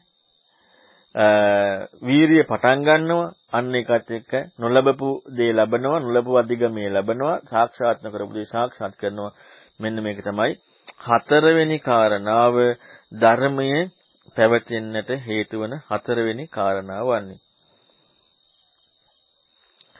ඊළඟට පස්වෙනි කාරණා. පුණච්ච පරම් භික්කවේ සංඝෝ සමග්ගෝ සම්මෝදමානෝ අයවදමානෝ ඒකුද්දේශෝ පහසු විහෙරති. සංඝයා සමගියෙන් සමගියෙන් යුක්තව වාසය කරනවා විවාද කරන්නේ නැහැ සමාදානියෙන්ම ඉන්නවා. හරිම මේ පහසුවෙන් යුක්තව වාසය කරනවා. සංඝේ කෝපන භික්කවේ සමග්ගේ මේ සංගයාගේ සමගියත් එක්ක නචේවඤ්ඤමඤ්ඤා කෝසං හොಂತಿ එකිනෙක කෙනා කෙරෙහි අක්කෝෂ කරන්නේ නචාඤ්ඤමඤ්ඤං පරිභාසී හොಂತಿ එකිනෙක කෙනා කෙරෙහි පරිභව කරන්නේ නචාඤ්ඤමඤ්ඤං පරික්ඛෝ හොಂತಿ එකිනෙක කෙනා කෙරෙහි අක්‍රෝෂ අක්‍රෝෂ කරන්නේ නැත්නම් මේ මේ අර වැරදි විදිහට විශාල වශයෙන් බණින්නේ නේ නචාඤ්ඤමඤ්ඤං පරිඥානා හොಂತಿ අනිත් අයත් මිනිස්සුත් ඒ නිසා බණින්නේ නේ තත් අප්‍රසන්නාජේ පසීදත් පසීදಂತಿ අන්න ඒක අප්‍රසන්නයන්ගේ පැහැදීමටත් පසන්නාච බිහිව භාවය හෝති. ප්‍රසන්නයි වැඩි පැහැවීමටත් පැහැදීමටත් හේතු වෙනවා. අයම්බිකේ පංචමෝ ධම්මෝ සද්දම්මසරිතියාස් අසම්මෝසය අනන්තර දහනාය සංවත්තති. මේක තමයි පස්වෙනි කාරණාව. ධර්මය අතුරුදහන් නොවෙන්නේ මේකෝ බික්කවේ පංච ධම්මා සද්දම්මසරිතියා අසම්මෝසය අනන්තර දහනාය සංවත්තಂತಿ මෙන්න මේක තමයි සාසනය අතුරුදහන් නොවෙන්න හේතුුනේ කරුණු පහ. දැන් එහෙනම් ප්‍රශ්න අහන්න අවස්ථාව. තෙරුවන් සරණයි. තෙරුවන් සරණයි සම්මානයේ සූත්‍රයේ ගොඩක් ලස්සනයි කියනකොට ඇත්තටම මේක වටිනාකම ඇත්තම තේරුන්නේ අර දැන් අපි ධර්මයේ ඉගෙන ගන්නවානේ අර ඒකේ කියන්නේ අපි අර ඒ වගේ අපිට අපිටම ඒ වගේ කරුණු අවබෝධ වෙන්න මේක ගොඩක් දැන් කියපු එක අහපු එක මේ ඉස්මතුමා කියලා හිතනවා කියන්නේ. වෙනත් අසද්ධර්ම නෙමෙයිනේ ධර්මයේම වුණත් ඒක කොච්චර ඒක සම්බන්ධයක් තියෙනවද කියලා හිතනවා ඒ අනිත්‍යය ආර දැන් මේක අපි කියන පැව අවස්ථාවගෙන එන්නත් අර ධර්මයේම යොමුනේ නැති වුණත් අනිත් දේවල් වලට අධ්‍යයනාදී කියලා දීමේ දෙන්නේ අපේ වටිනාකම ගොඩක් වල තේරුම් ගියක් කියලා මම පැහැදිලි වුණා. ඉතින් ගොඩක් ඉන්සන් ඔව් ඇත්තට මේකේදී ඒක ගොඩාක් මේ මේ ධර්මයේ පැවැත්ගෙන යන අගේ අනික දැන් අනිත් පැත්තෙන් හිතන්න පුළුවන් අපි මේ වගේ දෙයකට දායක වෙනවනම් අපට අනාගතයේ මේ ජීවිතය අවබෝධ නොවුනත් අනාගත ජීවිතයකට යමු වෙන්න ධර්මයේ ලැබෙන්න කොච්චර ඒක හේතුවක් වෙනවද ඔය කාරණාව සිදු වුණ නිසා ධර්ම ලැබෙන්නේ අනිත් එක එක තැන්වල ගිහිල්ලා දැන් අපි හිතමු මිනිසෙක් කියලා උපදින්නේ විශාල පිනකටනේ. මිනිසෙක් කියලා උපදින්නේ. හැබැයි මිනිසෙක් මේ අන්‍ය අන්‍ය මිත්‍ය දෘෂ්ටික මිනිස් මිත්‍යා දෘෂ්ටික කෙනෙක් කවදා මිනිසෙක් වෙන්නේ නැහෙනේ. එයා තිරිසන් ලෝකේ නිරේ. එතකොට දැන් ලෝකේ ඉන්න කිසිම අන්‍ය අන්‍යාගම් අය නැත්නම් නීති මිත්‍ර දෘෂ්ටික අය කවදාවත් ඒ ආගමේ ඉඳලා නැහැනේ. හිටියානම් ආයේ ආගමේ උපදින්නේ නැහැ නිරේ තිරිසන් ලෝකේ යන්නේ. එතකොට නම් ওই විදිහට සැප සම්පත් බහුලව ඒ මේ ආගම් වල අය ක්‍රිස්තියානි මුස්ලිම් නීති මිත්‍ර දෘෂ්ටිකව මේ මේ ලෝකයට එහා ගියපය එහෙම ඉපදිලා ඉන්නේ ඒ අය නෙමෙයිනේ. එහෙනම් විශාල පින් කරපු අය. එතකොට විශාල පින් කරලා තියෙනවා. විශාල වශයෙන් පින් කරන්න පුළුවන් කාටද? ඊළඟ ජීවිතයේ ලෞකික සම්මාදිට්ඨියක් යුක්ත කෙනෙකුටනේ. ලෞකික සම්මාදිට්ඨියෙන් යුක්ත කෙනෙක් තමයි එහෙම උපදින්නේ. ලෞකික සම්මාදිට්ඨියෙන් යුක්තයි හොඳට පින් දහම් කරලා තියෙනවා. ඒ නිසා විශේෂයෙන් අනිත් එක තමයි ඇදහිල්ලට ගිහිල්ලා තියෙනවා. ඒ ඇදහිල්ලන්නේ තියෙන බුද්ධ ධර්ම අනේ ලෙඩ වෙන්න එපා. දැන් ජරා මරණ කියන ප්‍රශ්නේ බුදුරන් වහන්සේ හම්බෙන්නේ. නිතර සිහි කරන්න කියනවා. ලෙඩ වෙන්න එපා. ඊට පස්සේ මේ අනේ මට එතකොට ඇදහිලි වාදයයි ඒ පැහැදීමයි ඒක සුගතියට යන්න හේතු වෙන්නේ. සුගතියක් නේ මනුස්ස ලෝකයේ ක්‍රිස්තියානි මුස්ලිම් වුණත් සැපනේ හම්බ වෙන්නේ. ඒ ටික හේතුව. හැබැයි මේ කරුණ අපි කරනවා නම් අරමත් එක්ක මේ කරුණ ටිකක් කරනවා නම් සද්ධර්මයෙන් පවත්වන්නට අන්න එතකොට නම් අර ජීවිතයකට යන්න ඉඩ නැහැ. ඇයි ඉඩ නැත්තේ? සද්ධර්මයට පවත්වන්නට දායක වෙනවා. ධර්මයේ පවත්වන්නට දායක වෙනවා. ධර්මයේ පවත්වන්න දායක වෙනවා සජ්ජායනා කිරීමෙන් අන් අයට වචනින් පුරුදු කිරීමෙන් දේශනා කිරීමෙන් ඒකම දරා ගැනීමෙන් ඒකම කල්පනා කිරීමෙන් දැන් එතකොට මේ චේතනාවෙන් ඔක්කොම කරන්නේ ඒක හරියටම ඇසීමෙන් මේකෙන් මොකද්ද වෙන්නේ කරන්නේ මේකෙන් කරනවා ධර්මයේ පැවැත්වීමට දායක වෙනවා එහෙනම් ඒ ප්‍රතිඵලය අහපව ලැබෙනවා සුගතිය මිත්‍යා දෘෂ්ටික වෙන්නේ නැහැ ඒක හරියමාරුයි සකසලාවක අහන්න ඊළඟට බලන්නකෝ අර මේ දෙවෙනි සූත්‍රෙද කොහෙද? හරි තුන්වෙනි එකේ හරි පළවෙනි කාරණාව. වැරදි විදිහට අරගෙන පදවැංජන මේ ඔක්කොම ඒක අතුරුදහන් වෙන්නේ. එතකොට එහෙනම් ඒ ධර්මයේ හරි විදිහට ගන්න නැතුව යනකොට ඒක ධර්මයේ තියෙන්න හේතුවක් වෙන්නේ නැහැ. ඉතින් ඒ නිසා මේක ඇත්තටම මේ ධර්මයේ පැවැත්මට අපටත් පුළුවන් දායකත්වයක් දරන්න. අපි දායකත්වයකුත් හම්බ වෙනවා. අපි තුලත් ඒක අවබෝධයකට උපකාරයක් වෙනවා අපට නැවත ජීවිතයකදී ඒ ධර්මය හම්බෙන්න හේතු වෙනවා තෙරුවන් සරණයි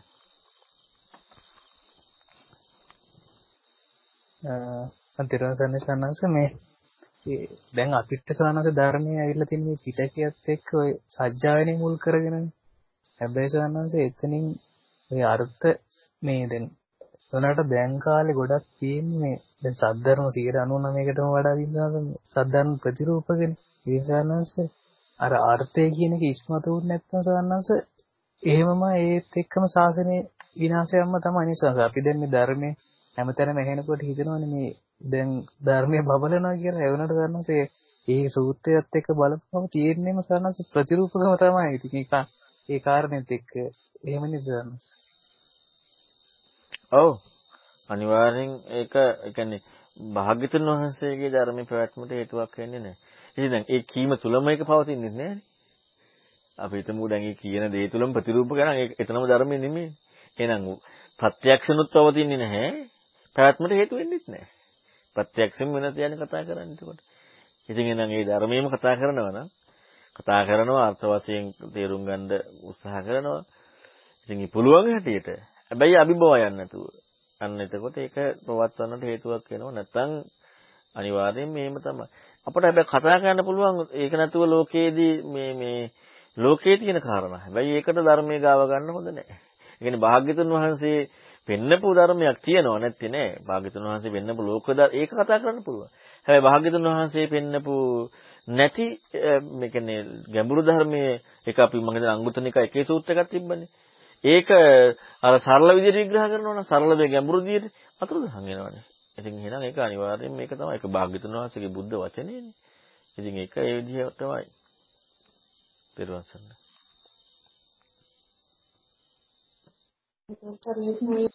අර ඒකම දැන් අර විදිහට පළවෙනි සූත්‍රයේ කිව්වේ කර්ම පහම එකතරනේ දැන් දෙවෙනි සූත්‍රයේ ඇත්තටම අර පහ මොකක් හරි කියලා කිව්වනේ. එතකොට ඒ අනුව බලනකොට දැන් ඇත්තටම මේ වාචන අද ටික හරි දැන් මූලිකවම කටපාඩම් කාලේ වුණත් ඒවා ඒ විදිහටම අහදාගෙන ඒ අයටම අවබෝධ වෙන්නේ සමහර විට නැතිුණත් ඒක පවත්වාගෙන යන්න ඒක ඉතින් කරලා තියෙනවානේ මේ වාචන පුරුදු කරලා අනිත් අයටත් උගන්වලා ඉතින් ඒක ඒ සාරේ අපිට අද ලැබිලා තියෙන්නේ ස්වාමීන් වහන්සේ. ඒ සත්‍යයන් වහන්සේගේ වචන මේ විදියට එන්න ඒක ගේන එකත් ලොකු සාසනයට කරන කර්තව්‍යයක් නෙමෙයි කියලා මට ඔව් ඒක ඇත්ත අනිවාර්යයෙන්ම ශාසනය ලොකු කරන ලොකු සේවයක්. ඒ කියන්නේ ඒක අපට ධර්මයේ මේ ජීවිතය අවබෝධ නොවුනට ඊළඟ ජීවිතයකට ධර්මයේ ලැබීම සඳහා මහා පුණ්‍ය කර්මයක් ඒක. එච්චරට ඒක වටින දෙයක්. ත්‍රිවන් සරණ. අවසරයි ස්වාමීන් වහන්සේ. ස්වාමීන් වහන්සේ මේ සූත්‍රයේ බුදුරජාණන් වහන්සේ භික්ෂුව කියලා අමතලා තියෙන්නේ මේ මේ බුද්ධ ශාසනයේ පැවිදි වෙච්ච ඒ භික්ෂුන් වහන්සේලාටද අර එහෙම නැත්නම් දැන් අර සම්මත් නියාමයට බැහැගත් බැසගත් ගිහි පැවිදි දෙපක්ෂේම කියලා එහෙම එතද කියලා එහෙම මේ විග්‍රහයක් එහෙම ගන්න පුළුවන්ද ස්වාමීන් වහන්සේ? ඒක මට අහන්න හිතුනේ අර දෙවනි සූත්‍රයේ තියෙනවනේ අර අහලා දරාගත් පරියාපත්ති වශයෙන් හම්බ වුණු ධර්මය අන් අයට දේශනා කරන්නේ නැහැ කියලා. එතකොට මේ තව කෙනෙකුට එහෙම ධර්මයක් දේශනා කරන්න මේ එහෙම පිහි පැවිදි ભેදයක් නැතුව ඒ දේ කරන්න පුළුවන්ද කියලා දැනගන්න. ඊට සරණයි. මෙතන පැහැදිලි කරන්නේ සම්පූර්ණයෙන් භික්ෂුවන්ට. ඒ කියන්නේ බුදුරන් වහන්සේගේ ධර්මයත් එක්ක යොමු වෙච්ච භික්ෂුවට වෙන කෙනෙකුට නෙමෙයි. මේ මේ කියන්නේ මේ ගිහි අයට නෙමෙයි කතා කරන්නේ. හැබැයි ඉතින් ගිහි අයත් ඔක කරනවා නම් එයාලටත් ඒ අදාළ ඒ ප්‍රති මේ මේ මේ ඒකට උපකාරයක් වෙනවා. දැන් බලන්න චිත්ත ගෘහපති බණ කියනවා. හැමෝම නැහැ ඉතින්. වැටෙන කට ඊළඟට අර අපි යන සෝමා තෙරණියද කොහෙද? අන්න බණ කියනවා. එතකොට මේ ඒ ධර්ම දේශනා කිරීම අනිවාර්යයෙන්ම ඒක දායක වෙනවා. තෙරුවන් සරණයි ස්වාමීන් වහන්සේ. දැන් අර දෙවන සූත්‍රයේ තියෙන ගෙය්‍ය වෙය්‍යාකරණ ගාතං උදානං ඉති පුත්තකං ජාතකං අබ්බූත ධම්මං වේදල්ලං.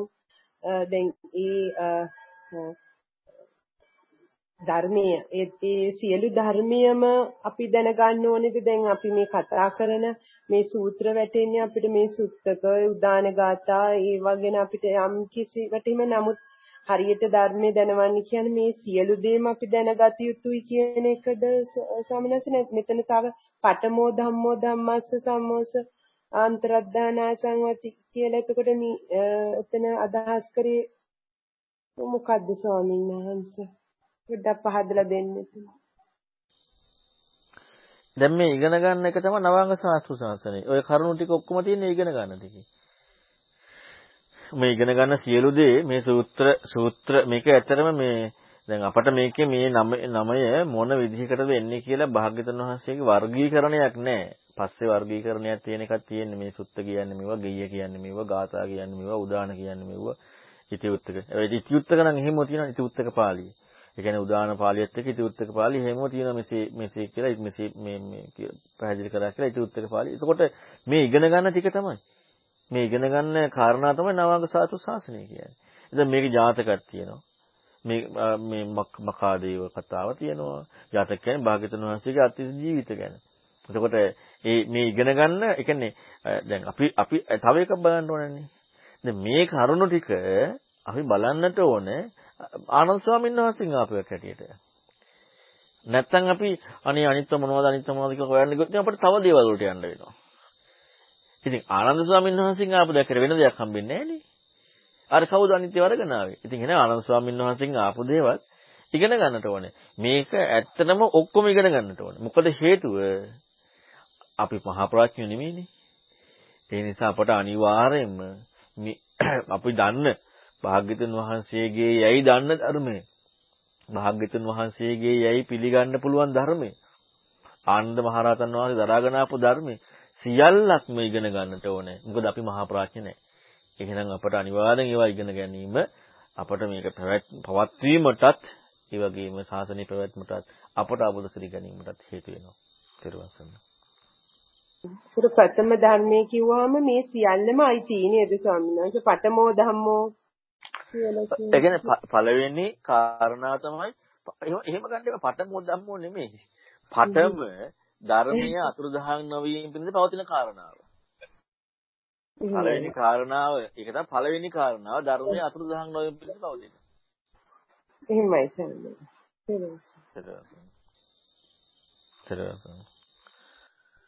තෙරුවන් සරණයි ස්වාමීන් වහන්සේ දැන් අපිට ගොඩක් මේ වර්තමාන සමාජයේ දකින්න ලැබෙන්නේ සංස්කෘතියට වැඩි වටිනාකමක් දීලා පිරිසුදු බුද්ධ වචනයට ඒකෙන් ගන්න ප්‍රායෝගික ප්‍රයෝජන අඩු බවක් හදසන්න. හුඟක් වෙලාට දැන් බුද්ධ වචනේ ඉස්මතු කරනකොට ඒකට වාද විවාද ඇවිල්ලා ඒක ගැටලුවක් ඝට්ටනයක් කරගන්නවා මිසක් අර සංස්කෘතික පැත්තට තමයි මිනිස්සු කාලය ධනය ශ්‍රමය වැය කරමින් ඒ පැත්තට වැඩි වටිනාකමක් ඇවිල්ලා තියෙන මොකද සන්න.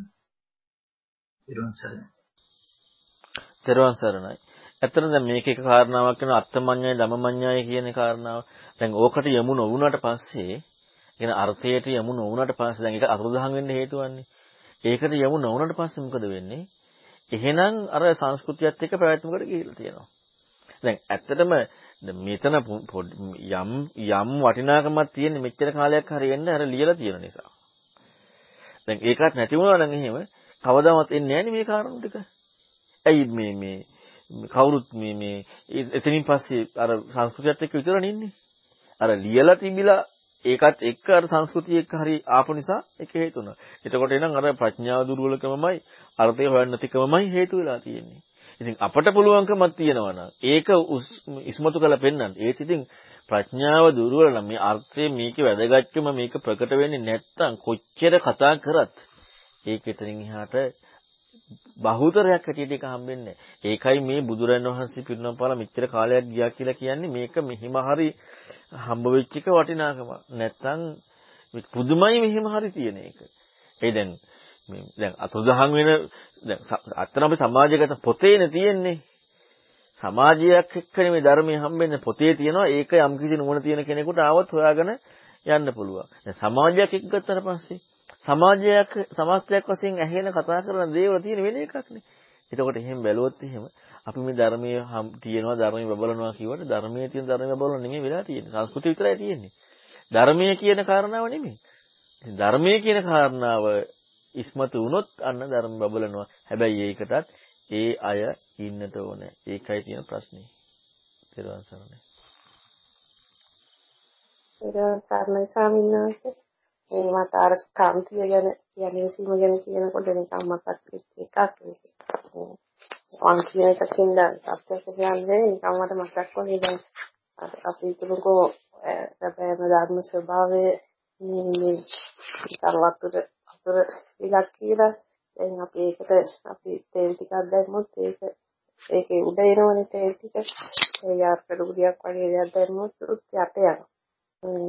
නමුත් බැලුණු ටිකක් හරි සීනි ටිකක් හරි දැම්මොත් ඒ ඒක ඒකයට දිය වෙලා හිටන් ඒකට වෙනද දර අනුගත වෙනවා කියන එක මට හිතෙනවා මේ වගේ උදාහරණයක් කියන්නේ ධර්ම ස්වභාවය තම අනුගත වෙලා වෙන එක මේ වගේ කියලා ඉතින් ඒක කියන්නේ පෙරවස්තර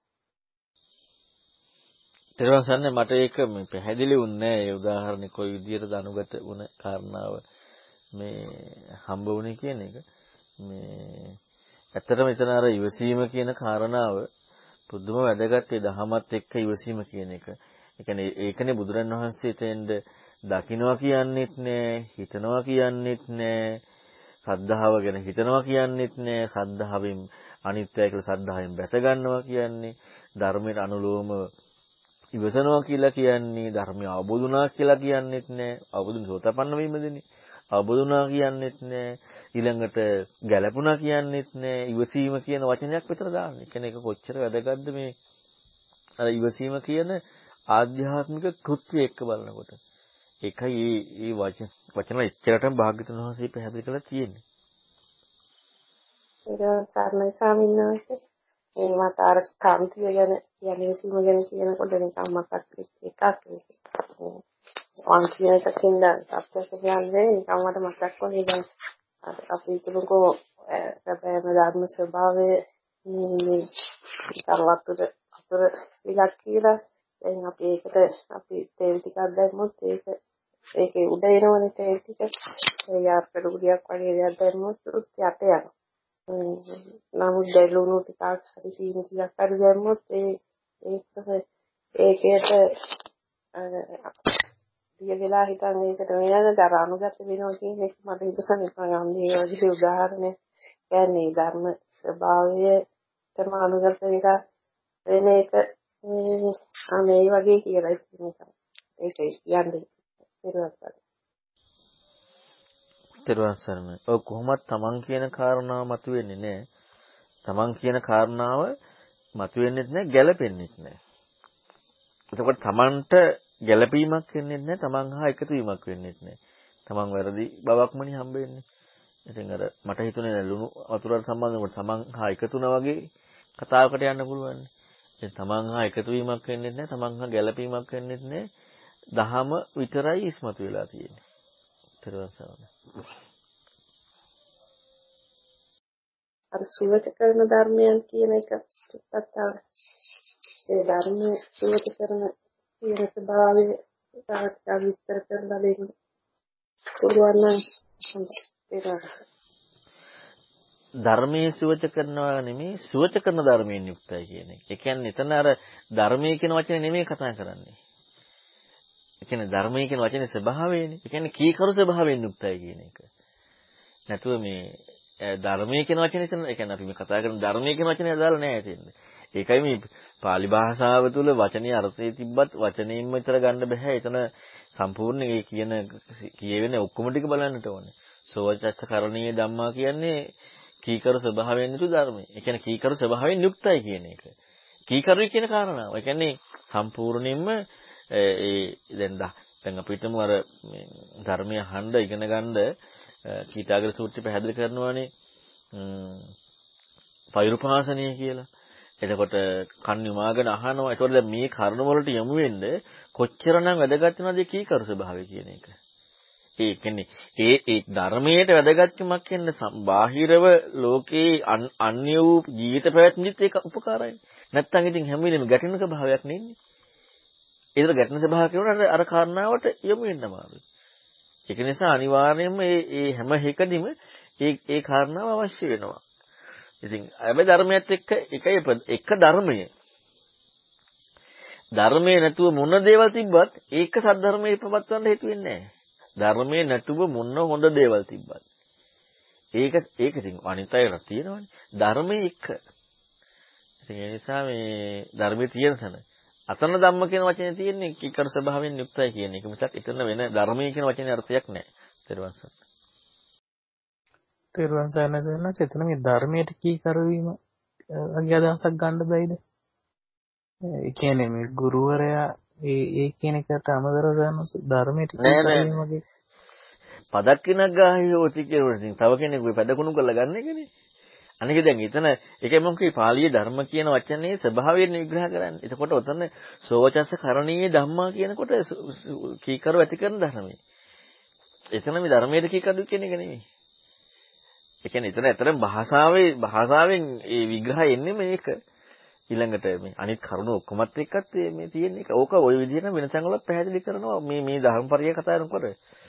ඒ නිසා සෝචසකරණීය ධම්මා කියන්නේ මේ කීකරු කීකරු ධර්මයෙන් යුක්තයි. ඒ කියන්නේ කීකරු ස්වභාවයෙන් යුක්තයි කියන කාරණාව. ඒකනේ පදක් කෙනක් ගාහියොත් කියන්නේ පදකුණු කරලා පිළිගන්නවා කියන්නේ. තෙරුවන් සරණයි සනස මේ පළවෙනි සූත්‍රයේ තියෙනවානේ කොටසක් දතානං ධම්මානං අත්තං උපපරික්කති කියලා එක කොටසකට කියලා ඊට පස්සේ කියනවා සක්කච්ඡං අත්තමඤ්ඤාය ධම්මමඤ්ඤාය ධම්මානුධම් පටිපජ්ජන්ති කියලා. එතකොට අර දැන් කලින් කාරණා මුල කාරණාව කියන්නේ දතානං ධම්මානං අත්ත ඒක අර්ථය පරීක්ෂණය කරනවා කියලා කියනවා. ඊට පස්සේ දෙවෙනි කොටසෙන් කියනවා අත්තමඤ්ඤාය ධම්මමඤ්ඤාය ධම්මානුධම්මං පටිපජ්ජන්ති කියලා. පොඩ්ඩක් ඒ කොටස් දෙක විස්තර කරලා දෙන්න පුළුවන් සනස තවදුරටත්. තේරුවන් සරණයි. දැන් මේ කාරණාව ඇත්තටම අර දැන් අර්ථය පරීක්ෂණය කරනවා කියන කාරණාව අදාළ සුතයත් එක්කමයි. අර්ථය පරීක්ෂණය කරනවා කියන කාරණාව අදාළ සුතයත් එක්කමයි. අත්තමඤ්ඤාය ධම්මමඤ්ඤාය කියන කාරණාව සම්පූර්ණයෙන්ම තියෙන්නේ අවබෝධයත් එක්කනේ. ඒක අපි ගත්තොත් මොකේද සෝතමදත සූත්‍රය. පැහැදිලි කරනවා. ධර්මයේ සජ්ජායනා කරද්දී ධර්මයේ සාකච්ඡා කරද්දී ශ්‍රවණය කරද්දී අන්න එතකොට මග්ගම් පටලබති වෙන්නට අත්තමඤ්ඤයි ධමමඤ්ඤයි. එතකොට දැන් අර්ථයයි ධර්මයේ කියපු කාරණා අර්ථය දැන් අතන අර්ථය හම්බුණා නෙමෙයි අර්ථය විමසනවා. එතන. අර්ථ පරීක්ෂණය කරනවා. ඒක අපි කරන වැඩ. ඒක සුතයත් එක්කමයි අදාළ. අතන පැහැදිලි කරන්නේ අර්ථය හම්බ වෙන එක. එතකොට ඒකයි දැන් ඇත්තටම ගත්තොත් ශාසනයේ පැවැත්මට තිතියට අනිවාර්යයෙන්ම අවබෝධය කියන කාරණාවත් උපකාරයක් වෙනවා. අවබෝධය කියන කාරණාවත් හේතු වෙනවා. මොකද ඒ හේතු වීම අවබෝධ වීමත් එක්ක වැරදි දෙයකට යන්න ඉඩක් නැහෙනේ. ඇයි ඒ ඒ ඒ අවබෝධ වීම කියන ස්වභාවයත් එක්ක වැරදි දෙයකට යන්න ඉඩක් නැහැ. ඉතින් ඒ නිසා අනිවාර්යෙන් එකත් ධර්ම පැවැත්මට හේතුවක් වෙනවා. කියන්නේ මගපලලාභයෙන් සිටීම දහම් පැවැත්මට හේතුවක් වෙනවා. ඉතින් එතන සම්පූර්ණයෙන් කතා කරන්නේ අවබෝධ වීම කියන කාරණාව එක්ක. ධම්මානුදම් පටිපන්න කියන කාරණාව එක්ක. සම්පූර්ණයෙන්ම මගපල ලැබලා ලැබන කියන කාරණාව එක්කමයි මේ පස්වෙනි කාරණා මම හිතන්නේ ඒක කතා කරන්නේ එතන ඒකත් එක්ක. ඊට සරණයි. සනස එතෙන්දි ධම්මානුධම්ම කියන්නේ ප්‍රතිපදාවක් කතා කරන්න පුළුවන් වෙන්න මේ කියන්නේ ඔය කියන විදිහට අවබෝධයත් එක්කමයි නේ සංස. අනිවාර්යයෙන්ම. නැත්තම් ඉතින් ධම්ම කියලා ගන්න අපිට හිතෙච්ච දෙයක් නේ. ධර්මයට අනුධර්මයෙන් යුක්තයි. ධර්මයට අනුධර්මයෙන්. ඒකට අනු අනුවට යමු වුණා. එතකොට එහෙනම් Tamanට තේච්ච කාරණාවක් කියන එක නෙමෙයි. ධර්මයෙන්ට අනුධර්මයෙන් යුක්තයි. එතකොට දැන් මේ කියන්නේ එච්චරටම මේ කාරණාවේ ඒ කියන්නේ අවබෝධය කියන කාරණාවත් එතන ඉස්මතු කරලා පෙන්නනවා ධර්මයේ පැවැත්මට හේතු වෙන කරුණක් හැටියට. ඊළඟට මට ආය තරංග කීපයකට තව එකක් කියන්න ඕනේ. මොකද මේ වචන වලින් ගන්නකොට සමහර විභාෂාවේදී තතහරූප කියලා වචනයක් තියෙනවා සමහර තැන්වල. තතහරූප කියනකොට අපිට එකපාරටම එන කාරණාව තමයි තතහ කියන වචනේ ඒ. රූප කියන්නේ රූපය. ඔහොම ඔහොම එන තතහරූප. ඒ කියන්නේ ඒ ස්වභාවයනේ. රූප කියන්නේ රූප. එතකොට දැන් එහෙම ගත්තොත් එහෙම තතහ රූපස්ස කියනකොට අන්න හරි. ඒ කියන්නේ තතහ රූපස්ස කියලා වෙනම ඒ ඒ පරයයන් කතා කරනවා ඒ භාෂාවේ. තතහ රූපස්ස කියලා ඒ ඒ රූපය එතන අටගත්ත රූපය හරි හිම කියලා. නමුත් තතහ රූප කියන වචනයක් තියෙනවා. ඒ රූපේ නෙමෙයි ඒ ස්වභාවය කියලා ඉස්සර ගන්න. ඒ ඒ අවස්ථාව මේ ඒ ස්වභාවය කියන කාරණා. අතෝ රූපයක් ඉස්මතු කරන්නේ එතකොට මේ භාෂාවේ මේ වචනේ යෙදෙන අවස්ථා තියෙනවා. එතකොට එහෙනම් බලන්නකෝ මේ සාමාන්‍යයෙන් අපට එකපාරට මේකේ අර්ථයක් ග්‍රහණය කරගන්න කොච්චරනම් මේ ඒ කියන්නේ කියපු කාරණාවම ගන්න භාෂාව පිළිබඳව භාෂාවේ වචන දැනගත්ත පමණින් බෑ. භාෂා රීතියක් තියෙනවනේ. භාෂාවේ රීතිය ඉස්මතු වෙච්ච එකක් තියෙනවනේ. එතකොට වචනයි රීතියයි දෙකම අවශ්‍යයි. ඒ දෙකම එක තමයි භාෂාව අර්ථය ගන්න පුළුවන්. තේරුවන් සරණයි. තේරුවන් සරණයි සරණයි සර මේ අවබෝධයත් එක්ක මේක මේ පවතින කියන කාරණේ අර මේ මකාදේව සූත්‍රයේ සනස කියන අන්තිම පුරුෂයා වෙන්න මේ වෙන්න එපා කියලා සනස ඒ එතනදී කතා කරන්නේ මේ මාර්ගයත් එක්ක වගේ මට මතක සනස. උවාසර මතක නම් පොඩ්ඩක් කියන පැහැදිලි කරලා ඒ එතන අවස්ථාවේ මට සූත්‍ර මතක නෑ මට ඒ නිසා එතන සියලු කාරණාව සම්පූර්ණයෙන් කියන්න බෑ. ඒ කියන්නේ පාලි මතක තියෙන්න ඕනේ සිංහල මතක කියලා වැඩක් නෑ. මේ එතන කතා කරන්නේ දැන් අන්තිම පුරුෂයා වෙන්න කාරණාව ඊට පස්සේනේ කියන්නේ. එයාගේ දැන් අර තුන්වෙනි කාරණාව කොහොමද අපවත් වීමත් එක්ක අනිත් අයට පුරුදු කරන්න නැහැ කියන එක. එතකොට එහෙනම් එතන අන්තිම පුරුෂයා කියන කාරණාව කතා කරන්න තියෙන්නේ මේ ඒක වෙන එකක්. එතකොට අනිවාර්යයෙන් මේ පරයයත් එක්ක බලන්න මොකද්ද එතන තියෙන විග්‍රහය කියලා. ඒ විග්‍රහය මොකද්ද කියන කාරණාව බලන්න නැතුව මේ ඒ කියපු කාරණාවේ අර්ථය ඒකමයි තියෙන්නේ කියලා ගන්න බෑ. ඒක මම හැම වෙලෙම කිව්වේ අර සකච්ඡන් පරිවාපුණාති කියන කාරණාවේ තියෙන්නේ. ඒ කියන කාරණා අවස්ථා ඒ විග්‍රහ ඔක්කොමත් එක්ක ගන්න ඕනේ. කවදාවත් අනිත් එක එක මේකට ගලපන්න බෑ. ඒ නිසා එතන තියෙන කාරණා ඒ විදිහට බලන්න ඕනේ. එතන මොකද තියෙන්නේ කියලා. ඉතින් ඒ නිසා මෙතන තියෙන කාරණාව මේකේ තියෙන දේ බලන්න ඕනේ. තේරුවන් සරණයි. තේරුවන් සරණයි සරණයි මේ අය මේ දැන් මේ පද ව්‍යංජන ওই රීති ඒවත් එක්ක සරණයි මේ දැන් මං අහලා තියෙන සරණයි මන් දන්නේ දේශනාවේදී කියලාද ධර්මයේ බුදුරජාණන් වහන්සේ මේ අවසර දීලා තියෙනවා කියන සංස්කෘත භාෂාව ඇර මේ අනිත් භාෂාවලින් දේශනා කරන්න පුළුවන් කියලා හරි අනිත් පරිවර්තනය කරන්න පුළුවන් කියලා හරි එහෙම එකක් සානස මම අහලා තියෙනවා. ඒ කාරණාව ඇත්තද සානස මම නම් එහෙම අහලා නැහැ මෙහෙම අහලා තියෙනවා ඒක මේක නම් තියෙනවා මේක තියෙන මම හිතන්නේ අරණ විභංග සූත්‍රය හරි මට මතකයි වගේ අරණ විභංග වගේ මතක ඒකේ තියෙනවා ඒ ඒ විවහාර භාෂාවට අනුව ධර්මයේ කියන්න කියලා. ඒ ඒ විවහාර දැන් අපි හිතමුකෝ මෙහෙම දැන් දෙමළ කෙනෙකුට පාලි කියලා පාලියෙන් කියනවා. ඉතින් කිව්වට නෑනේ. දැන් අපිට අපිට සිංහලෙන් කියලා දෙන්න ඕනේනේ. ඒතර සිංහලෙන් කතා කරනවා.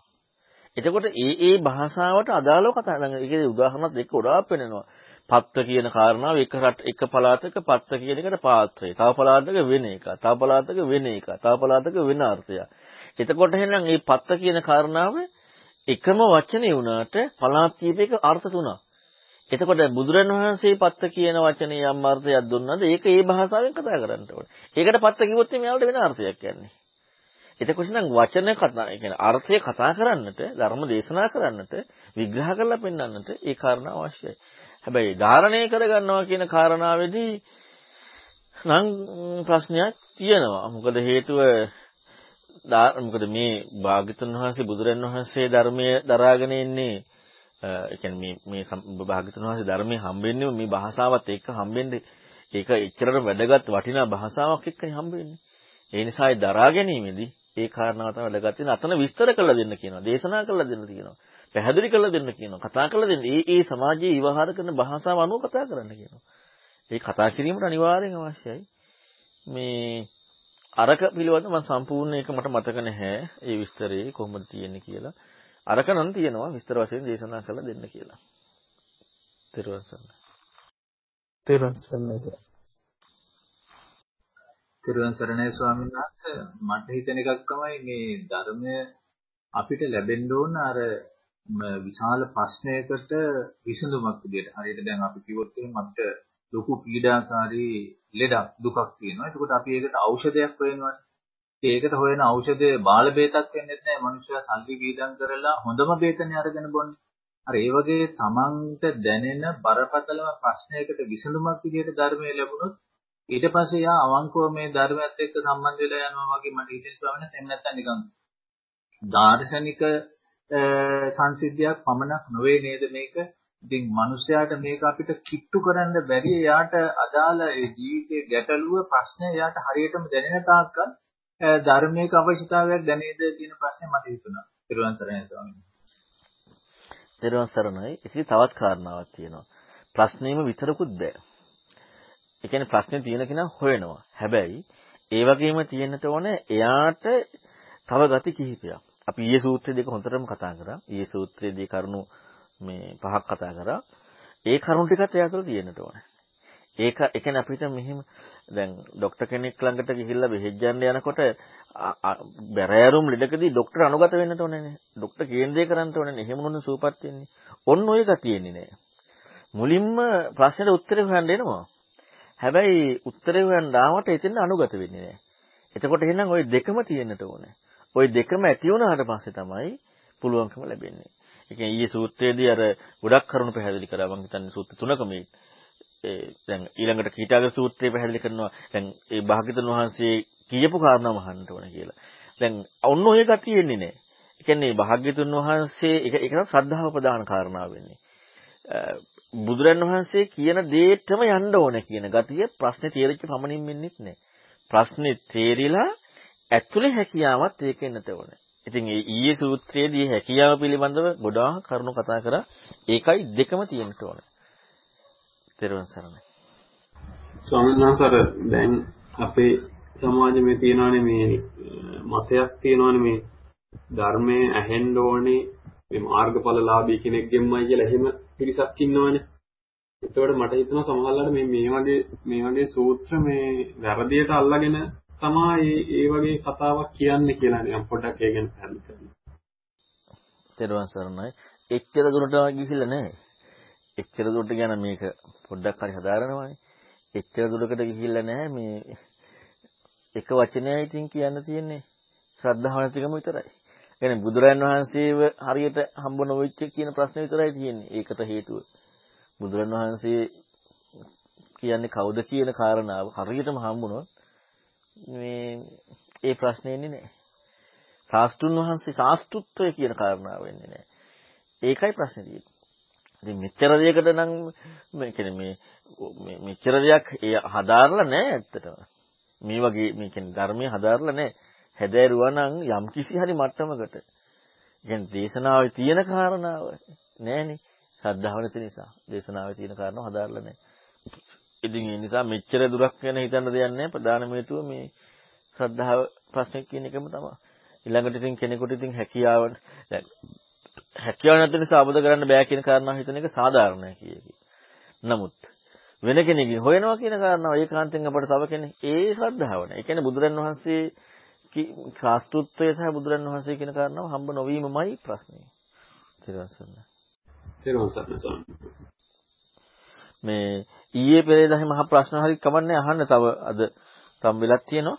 මේ මොකද අපි හෙට ඉඳලා මම බැලුවේ මේ දහම් කාරණාවක් සක්කාය දිට්ඨිය ගැන අර නකුල පිටු සූත්‍රය කරන්න කියවනේ ඉතින් ඒකත් එක්ක මට හිතුණා දැන් මේ ධර්මයේ අහන ක්‍රම දැන් දවස් අපි හතරක් තිස්සේ කතා කරානේ සූත්‍ර ගණනාවක් ඇසුරු කරගෙන ධර්මය අහන්නේ කොයි විදිහටද ධර්මයට යන්නේ කොයි විදිහටද කියලා. ඉතින් ඒ නිසා දහම් පරියායක් හැටියට සක්කාය දිට්ඨිය ගැන පැහැදිලි කරන්න ඉතින් ඒක කතා කරන්න හිතුණා හෙට ඉතින් තව මේක සම්බන්ධයෙන් තේරුම් ගන්න තියෙන දේවල් අහන්න. ඊයේ පෙරදා ඒ දිගට කරපුවත් කමක් නැහැ. තෙරුවන් සරණයි සංස මේ අර පද ව්‍යංජන ගැන මේකේ කාරණාවක් කතා කරන සංස දැන් ඒක දෙපැත්තකට ගන්නවනේ වරදවා ගන්න කෙනෙකුත් ඉන්නවා හරියට ගන්න කෙනෙකුත් ඉන්නවනේ. ඒතර සංස දැන් එකම දෙයකට යොමු වීමෙන් ওই දෙකට යොමු වෙන්න පුළුවන් පොඩ්ඩක් ඒක පැහැදිලි කරලා දෙන්න පුළුවන් සංස පුළුවන්කමක් තියෙනවනේ උදාහරණයක් අරගෙන කොහොමද මේ එකම දෙයින් පද ව්‍යංජනය වැරදිට සහ හරියට ගන්න කියලා. තෙරුවන් සරණයි සංස. ඒකෙදි ඇත්තටම හරියටම කියන කාරණාව හොයනකොට වැරදියට ගැනීමද තියෙන්නේම හරියටම මේ පදවංජනේ ඒකේ කියන කාරණා. ඒකනේ දැන් පදවංජනේ ගන්නකොට අර සකච්ඡන් පරියාපුණන්ති වෙන්නේ නැති එක. ඒතකොට සකසලා ඉගෙන ගත්තේ නැති එක. එතකොට මේක මොන අවස්ථාවකටද කොයි විදිහකටද ඇයි මේක මේ විදිහට කියන්නේ මොකද්ද නිදානේ මොකද්ද කාරණාව කියලා ඒක ඉගෙන ගත්තේ නැති නැතිවීමත් එක්ක තමයි අර පදව්‍යංජන කියන කරුණුත් ඔක්කොම වරද්දවල ගන්නවා. එතකොට දැන් ඒ ඉගෙන ගන්න නැහැ කියන කාරණාව එකම ගත්තාම පදව්‍යංජන වැරදි. එතකොට දැන් අපි හිතමු මේ පිළිවෙලටමයි තියෙන්නේ. ඒ කියන්නේ අපි උදාහරණයක් ගත්තොත් එහෙම චතුරාර්ය සත්‍යය. කියනවා කතමංච වික්කේ දුක්ඛං සත්‍යං. එතකොට දුක්ඛං අරිය සත්‍ය. යායන් තණ්හා පෝනෝ භවිකා නන්දි රාග සහක සසත් කබ්නන්දිලි සීති නම් ওই විදිහට ඒ ව්‍යංජන ටිකමයි. හැබැයි සක්කච්ඡන් පරියපුණාතිලා නැහැ. ඒක නිසා මොකද වෙන්නේ? අර ඉගෙනගත්ත ක්‍රමයට අනුවයි පදවැන්ජේ නිරුක්තිය හම්බෙන්නේ. ඒකේ නිරුක්තිය හම්බෙන්නේ අර ඉගෙන ගන්න ක්‍රමයට. සකසලා ඉගෙන ගත්තේ නැහැ. සකසලා ඉගෙන ගත්තා නම් අර නිරුක්තියට ඒ පදවැන්ජන තුලේ අර නිරුක්තියකට යන්න ඉඩක් නැහැ. එතකොට මේ පදවැන්ජන තුල ගත්ත කරුණු දැන් සමහර කරුණු තියෙනවා දැන් අපි අර කාරණාව බලන්නකෝ. ඒ දැන් ඒතර බලන්න මේ පද ව්‍යංජන කියන කාරණාව වැදගත්කමක් දීලා තියෙන්නේ කොච්චරනම් එන මේ භාෂාවේ තියෙන වැදගත්කමක් තියෙනවද මේ භාෂාවේ ඒකනේ ඒක පැහැදිලි කරලා පෙන්නන්නේ ඒ අර්ථය ගන්න ඉතින් අර අපි ගත්තොත් අර මේ තථා රූපං කියලා මං කිව්වේ ධම්ම කියන එක. ඒතකොට ඒ ඒක ඒ අවස්ථාවත් එක්ක බලන්න වෙනවා. ඒ මොකද්ද ඒ කරුණ කියන්නේ කියලා. ඒතකොට එහෙම නැතුනොත් අපට අර කියපු කාරණාව අපි ගත්ත විදිහට ඒකට අනුවම අපට විග්‍රහ කරන්න පුළුවන්. එතකොට අර පදව්‍යංජන වැරදියට යනවා තියෙන්නේ. ඒ පදව්‍යංජනයේ තුලින් යම්කිසි විදිහකටද භාග්‍යතුන් වහන්සේ සකසලා ධර්මයේ ඇසීමෙන් විග්‍රහ විය යුත්තේ සකසලා ධර්මයේ නොහාසපු නිසා පදව්‍යංජනයෙන් හම්බ වෙච්ච කාරණාව වැරදියටයි ගන්නෙ. තෙරුවන් සරණයි. තෙරුවන් සරණයි සංස මට ඒකත් එක්ක පොඩි කාරණා දෙයක් මතක් වුණා. දැන් අර ඒක මට පැහැදිලි කරගන්න උනසන්නේ පද ව්‍යංජනයක්ද ඒක නැත්නම් අර්ථය වැරදිට ගැනීමක්ද කියලා. දැන් එකක් තමයි අපි අනිච්ච අනිච්ච කියන එක. ඒක මං හිතුවේ දැන් ඔබ වහන්සේ ඉස්සර කරපු විදිහට උතන ඒක පද ව්‍යංජනයට අදාළ දෙයක්ද කියලා. දැන් තව එකක් තියෙනවානේ ආරෝග්‍ය පරමාලාභා කියන එකේ වැරදි අර්ථයක් ගැන. ඒක අර්ථය වැරදිට ගැනීමත් සනස පොඩ්ඩක් ඒකත් පැහැදිලි කරලා දෙන්න අපේ දෙක ආශ්‍රයෙන්. ඔව්. ඉච්ඡ අනිච්ච කියන එකට නම් පද ව්‍යංජන කියන්නත් බෑ. සක්කච්ඡන් කියන්නත් බෑ. අන්න සක්කච්ඡන් කියන එකට එක එච්චරටම පහත්. ඒ කියන්නේ පදව්‍යංජන වැරදිය. ඒ කියන්නේ පදව්‍යංජන අරගෙනම නැහැනේ. ඒ කියන්නේ ඒකට ඇත්තටම කියන්න තියෙන්නේ භාෂාවම දන්නේ නැහැ කියන එක. ඔය ඒ කියන්නේ එච්චරටම මේ ඒකට ඒකට ශාසනය කියන කාරණාව සිටු කරන්න බෑ. අතනදි ගත්තාම ආරෝග්‍ය පරමාලාභා සන්තුෂ්ටි පරමන්දනං ඒ කියන කාරණාවත් එක්ක ඒක වරද්දවා ගැනීම කියන එකේ ඇතරම අර කාරණාව වෙන්නේ නැත්නම් ඔක්කොම ටික වෙනවා ඉතින් සකසලා ඒ කාරණා ඇහුවේ නැත්නම් ඒ විග්‍රහයත් එක්ක එතකොට දැන් ওই ඔක්කොම වෙන එකනේ තියෙන්නේ සකසලා ඇහුවේ නැත්නම් පදවඤ්ඤයත් වැරදියට ගන්න. අර්ථයත් වැරදියට ගන්න. හැම එකම වැරදියට ගන්න. සකසලා අහනකොට හරියට ඔක්කොම යනවා. ඉතින් ඒ නිසා අපට ඒකාන්ත කරලා කියන්න බෑ. හැබැයි ඔක්කොම වෙලා. අර්ථය අරනත් නැහැ. සකසලා අර පදව්‍යංජනයේ තුල අර්ථය ඉස්මතු වෙලත් නැහැ. සකසලා අරකටත් නැහැ. තේරිච්ච අර මේ කියන්නේ ස්වභාවයක් එක්කන අරන් තියෙන්නේ. ඉතින් ඒ නිසා මේ හැම එකක්ම වෙලා තියෙනවා. එකක් නෙමෙයි ඔක්කොම ටික වෙලා තියෙනවා. ඒ නිසා සකච්ඡන් මේ පරියාපනාද කියන එක ගොඩක් වැදගත්. මේ අරකට නම් ඉතින් කියන්න දෙයක් නැහැ. ඒකට ඇත්තටම පද ව්‍යංජනද සකසලා ඒ එකක්වත් ඒ කියන්නේ ඒකට ඔක්කොම නැහැ කියන එකමයි ඉච්ඡානිච්ච කියන කාරණාවත් එක්ක කතා කරන්න තියෙන්නේ. එතන භාෂාවක් නැහැ. අඩුම තරම. ඊට සරණයි. තේරුවන් සරණයි සර්.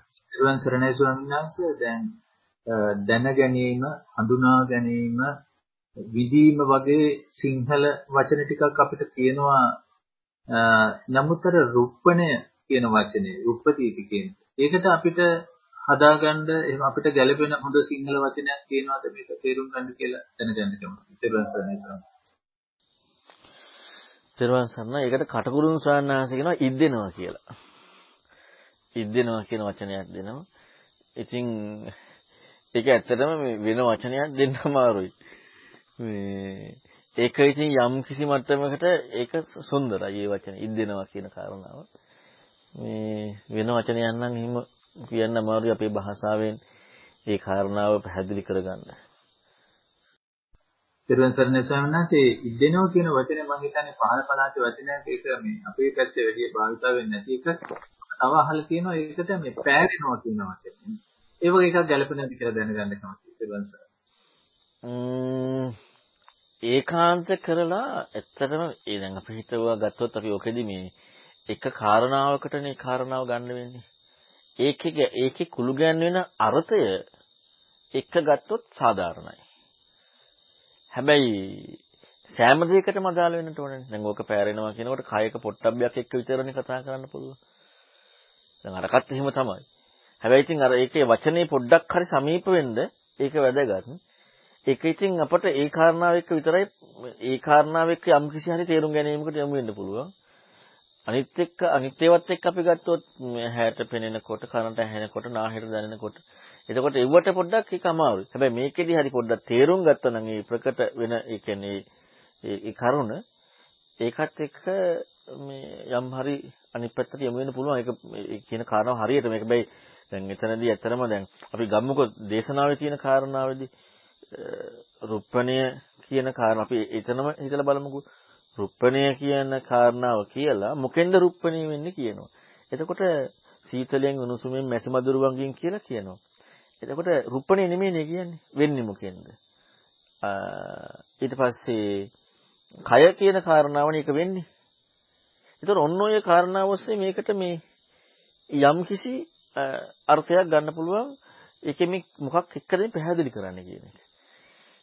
එහෙම නැත්නම් අපට ඒකාන්ත කරලා ගන්න අමාරුයි.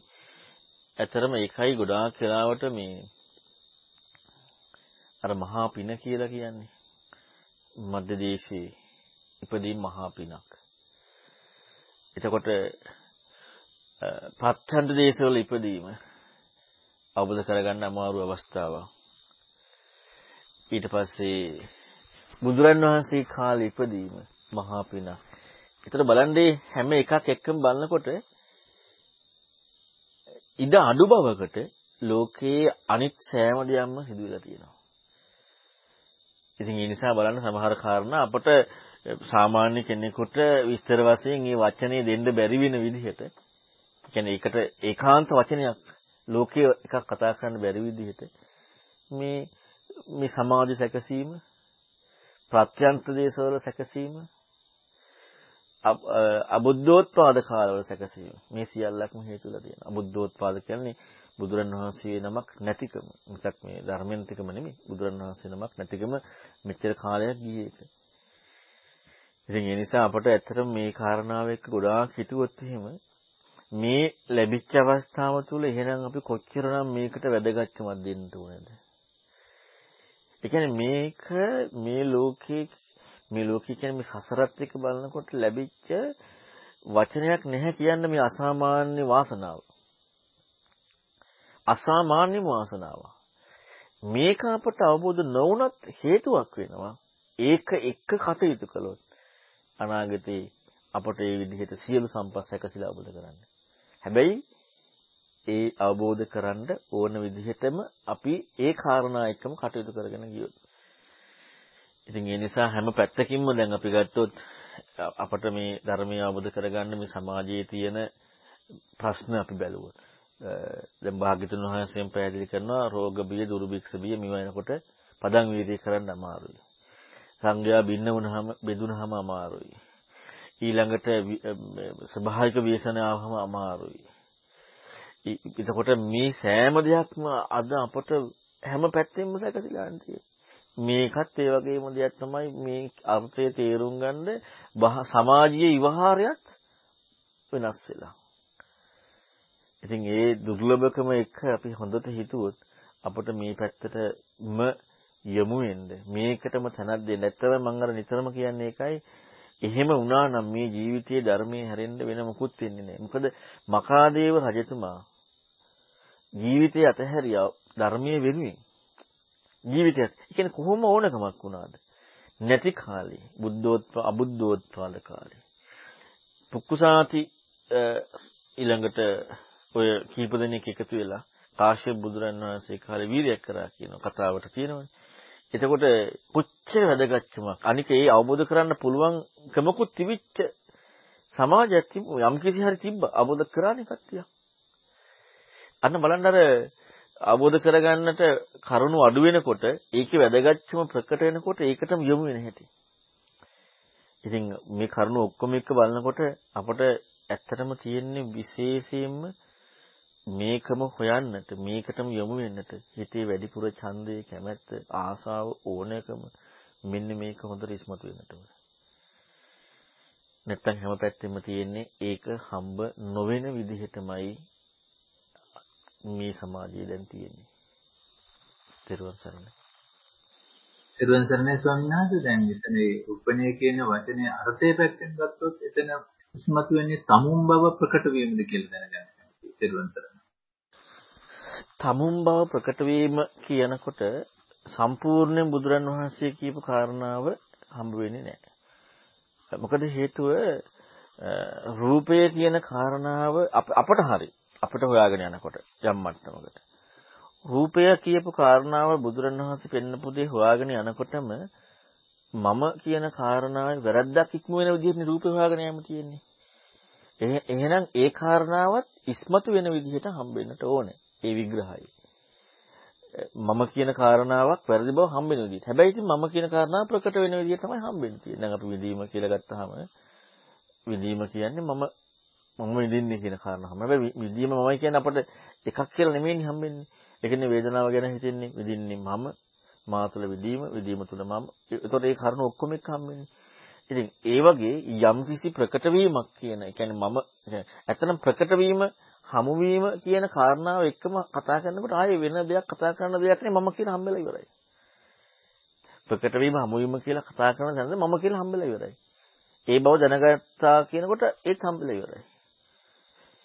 ඉතින් කොහොමත් අනිවාර්යයෙන් මේක යම් සමීපාර්ථයක් අපට ගන්න පුළුවන් ඕනම අවස්ථාවක ඒ මම බව ප්‍රකට වීම. කියන්නේ ප්‍රකට වෙන බව ප්‍රකට වෙන බව කියනකොට මම බවමයි. වෙන එකක් නෙමෙයිනේ. අන්න ඒක වැරදි කියලා හොයනකොට තමයි රූපය කියන එකේ හරියටම හොයාගෙන යනකොට රූපය කියන එක ඉක්මවන්නේ. ඉතින් ඒක යම් කිසි මට්ටමකට හොඳයි. තේරුම් ගන්න.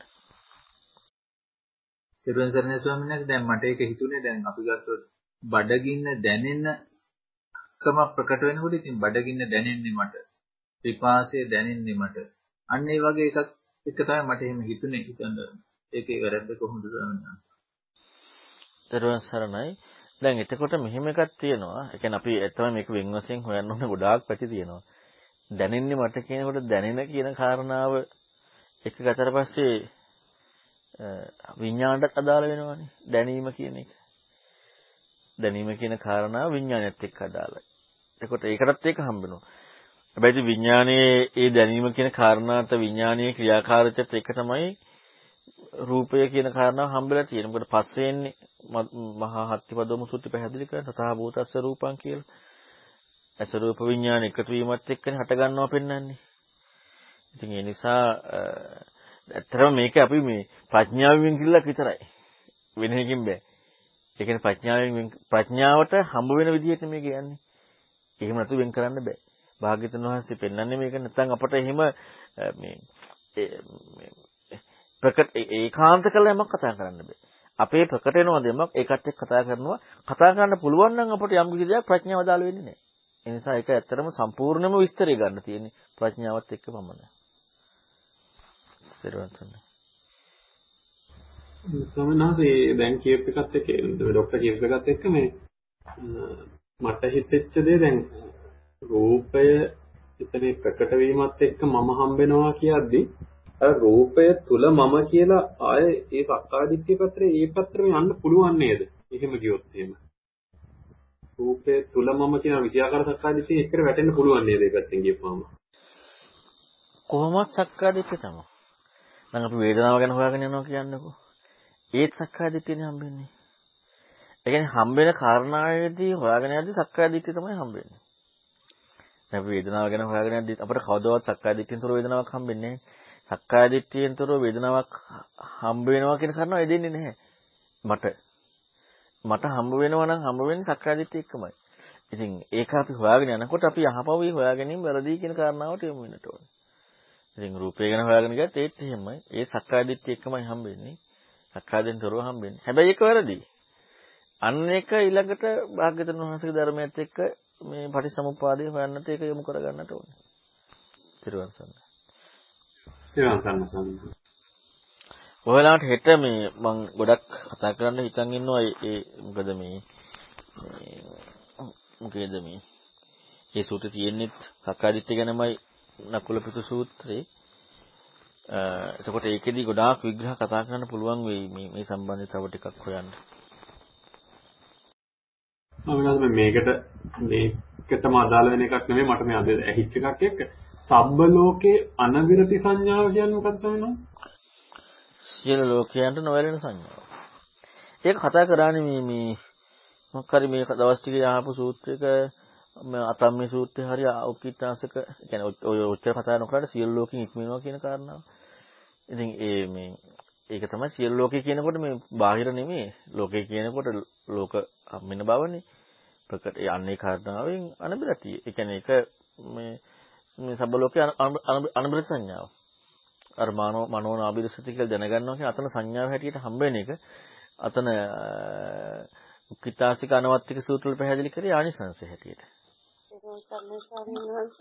ඒකේ අර බහුසුත කියලා කියන්නේ බහුසුත වෙනවා ධර්මයේ වෙන ඒවා මානසික වශයෙන් ඒවා දරා ගන්නවා කියලා එතන කරේ ඒ මේ බහුසුත කියන වචනේ කවක් මොකක් හරි ධර්ම ටිකක් මට හරියට මතක නැහැ තියෙනවනේ බහුසුත බව කියන එකත් යම් කිසි ඒකත් අඩංගු කරපු එකක් තියෙන බහුසුත කියන්නේ ගොඩාක් දන්නවා කියන එක.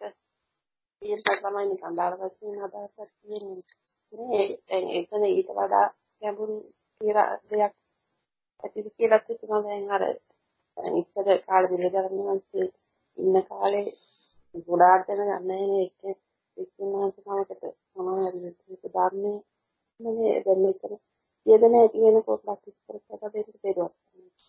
සරණ සරණයි. බෞද්ධ කියන කාරණාව මේ අර සුතා සාවචසා පරිචිතා මනසානපක දිට්ඨිය සුපට විද්‍යාවකත් කතා කරනවා. මට මතක අරකට කතා කරනවා. මොකද දැන් මෙතන මේ මේ තියෙන කාරණාවත් එක්කනේ බලන්න තියෙන ගොඩක් වෙලාවට. බොහෝ දේ දන්නවා කියන කාරණාවක් කතා කරනවා. ඊළඟට එක දෙයක් දැනගෙන සෞත්සා පරිචිත මනසාන්තර දිට්ඨිය සුපටිද්දා කියන එකත් එකත් කතා කරනවා. දැන් මෙතන එතකොට තියෙන බහුසුත මාතුකාදාර ධම්මදාර මේ සියල්ලක්ම කතා කරනවා. ඉතින් කොහොමත් අර අන් අයට කියනවා කියනකොට අර ටික දාලා වෙන්නෙම නැහැනේ කොහොමත්. දතාවචසා පරිචිත මනසාන්තර දිට්ඨිය සුපටිද්දා කියන කරුණ දතා අදාළ වෙනවා. එතකොට අර කාරණාවක් ඒකට අදාළ වෙන්නේ. හැබැයි මේ හැකියාවෙන් යුක්ත කෙනා කියන කාරණාව ගන්න පුළුවන්. ඉතින් අපිට ඒක ඒකාන්ත කරලා කියන්න බෑ. හැබැයි දැන් මෙතන මේ මාතිකදර ධම්මදර විනයදර කියලා කරුණු තියෙන නිසා අර පැත්තත් යන්න පුළුවන් බොහෝ දන්න කියන කාරණාව. අනිත් පැත්තේ මාතිකදර ධම්මදර විනයදර කියලා වෙනම කතා කරන නිසා බෞසුත කියන එක සුතේ නිරවුල් භාවය කියන කාරණාවත් එක්ක ඒ කියන්නේ අපි එක පදයක් ගැන හරි සුතේ නිරවුල් භාවයක් තියෙනවානේ. ඒ නිරවුල් භාවය ගැන එකක් ගන්න පුළුවන්. ඉතින් ඒකට ඒකාන්ත කරලා කියන්න බෑ මොකද්ද කියන එක. තෙරුවන් සරණයි. ස්වාමීන් වහන්සේ අර ඊයේ කතා කරපු සූත්‍රය මම නැවත කියවනකොට පොඩි ප්‍රශ්නයක් ඇති වුණා. ඒකේ තියෙනවා මේ මක්ඛි ධම්මං සුණාති කියලා. ඒකේ මේ සිංහල පරිවර්තනයේ තියන්නේ ගුණමකු සිතින් මදන ලද විදිහට මේ ධර්මය අහනවා නම් මේ ධර්මයේ තේරුම් යන්නේ නැහැ කියලා. මම ඊට පස්සේ අර පාලි ඩික්ෂනරි එකේ මක්ඛි කියන තැන බලනකොට තිබුණා මේ මක්ඛි කියන ගුණමකු සිතින් කියලා එතනම යට තියෙන වචනය මක්ඛන කියලා. ඒ එතන තියෙන වැසුණු සිතින් කියලා. දැන් ඔතන අපිට ගන්න පුළුවන්ද මේ පජානාති නප්පජානාති කියන තැන මෙතෙන්ට ගැලපෙනවද? ඒ කියන්නේ පජානාති නැතුව ධර්මයේ ඇසීමෙන් ධර්මයේ තේරෙන්නේ නැහැ කියන අදහස එතෙන්ට එනවද කියලා පොඩ්ඩක් පැහැදිලි කරලා දෙන්න. ස්වාමීන් වහන්සේ තෙරුවන් සරණයි. තෙරුවන් සරණයි. නැහැ ඒක නෙමෙයි අතර. මක්ඛී කියන කාරණාවේ ගුණ මකුගම එක තමයි කතා කරන්නේ. මොකද ඔය ගොඩක් තැන්වල කතා කරලා තියෙනවා ඒ කාරණාව. අරක වෙනම කතා කරනවනේ මේ පජානාති කියන්නේ යෝනිසෝ මනසිකාරයේ උපදින්නේ නැහැ. ඒ කරුණු වෙනම කතා කරනවනේ. දැන් මෙතන කතා කරන්නේ ගුණ මකන ගතියමයි. ගුණ මක් ගතිය කියන කාරණාවම. තෙරුවන් සරණයි.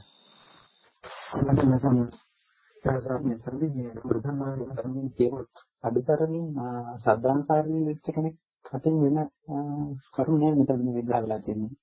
ඒ කියන්නේ සද්ධාන්සාරී වෙච්ච කෙනෙක් අතින් ප්‍රායෝගික මේ කෙරෙන කටයුතු මේ කරුණ වලින් විග්‍රහ වෙන්නේ ඔක්කොම.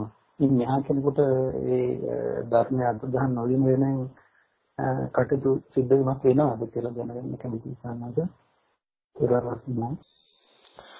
තෙරුවන් සරණයි සම්පූර්ණ ඔක්කොම ගත්තට පස්සේ දැන් සමහර ඒවාර මේ ධම්මානදම් පටිපන්න ඒ කරුණු ගොඩාක් තියෙනවනේ සම්පූර්ණ ඔක්කොම ඒවා ගත්තට පස්සේ ඔක්කොම එක ගත්තට පස්සේ නමුත් දැන් වෙන්ගෙන් වශයෙන් කරුණු හැටියට ගත්තට පස්සේ ඒ කාරණාවත් සිදු කිරීම යම් මට්ටමකට හරි ඒක උපකාරයක් තියෙනවා මොකද අපි තුලත් ඒකේ හැඟීමත් එක්ක ඇත්තට මේ දහම් රසයේ භුක්ති විඳිනමයි සියල්ලක් එක්කම තියෙනවනේ ඔක්කොම කරුණු එක්ක ගත්තට පස්සේ දැන් අර පළවෙනි එක තියෙනවා ධම්මමඤ්ඤාය කියන කාරණාවත්. ඊළඟට අනිත් අනිත් එකේ මනසානුපෙක්ඛිත කියන කාරණාව එක තියෙනවා. අනි තුන්වෙනි කාරණාව නම් තියෙන්නේ ඒකේ පළවෙනි පළවෙනි එකේ සම්පූර්ණයෙන්ම කතා කරලා පෙන්නනවා මේ වැරදියට අරගෙන වැරදියට අර්ථය හම්බෙනවා කියන එක.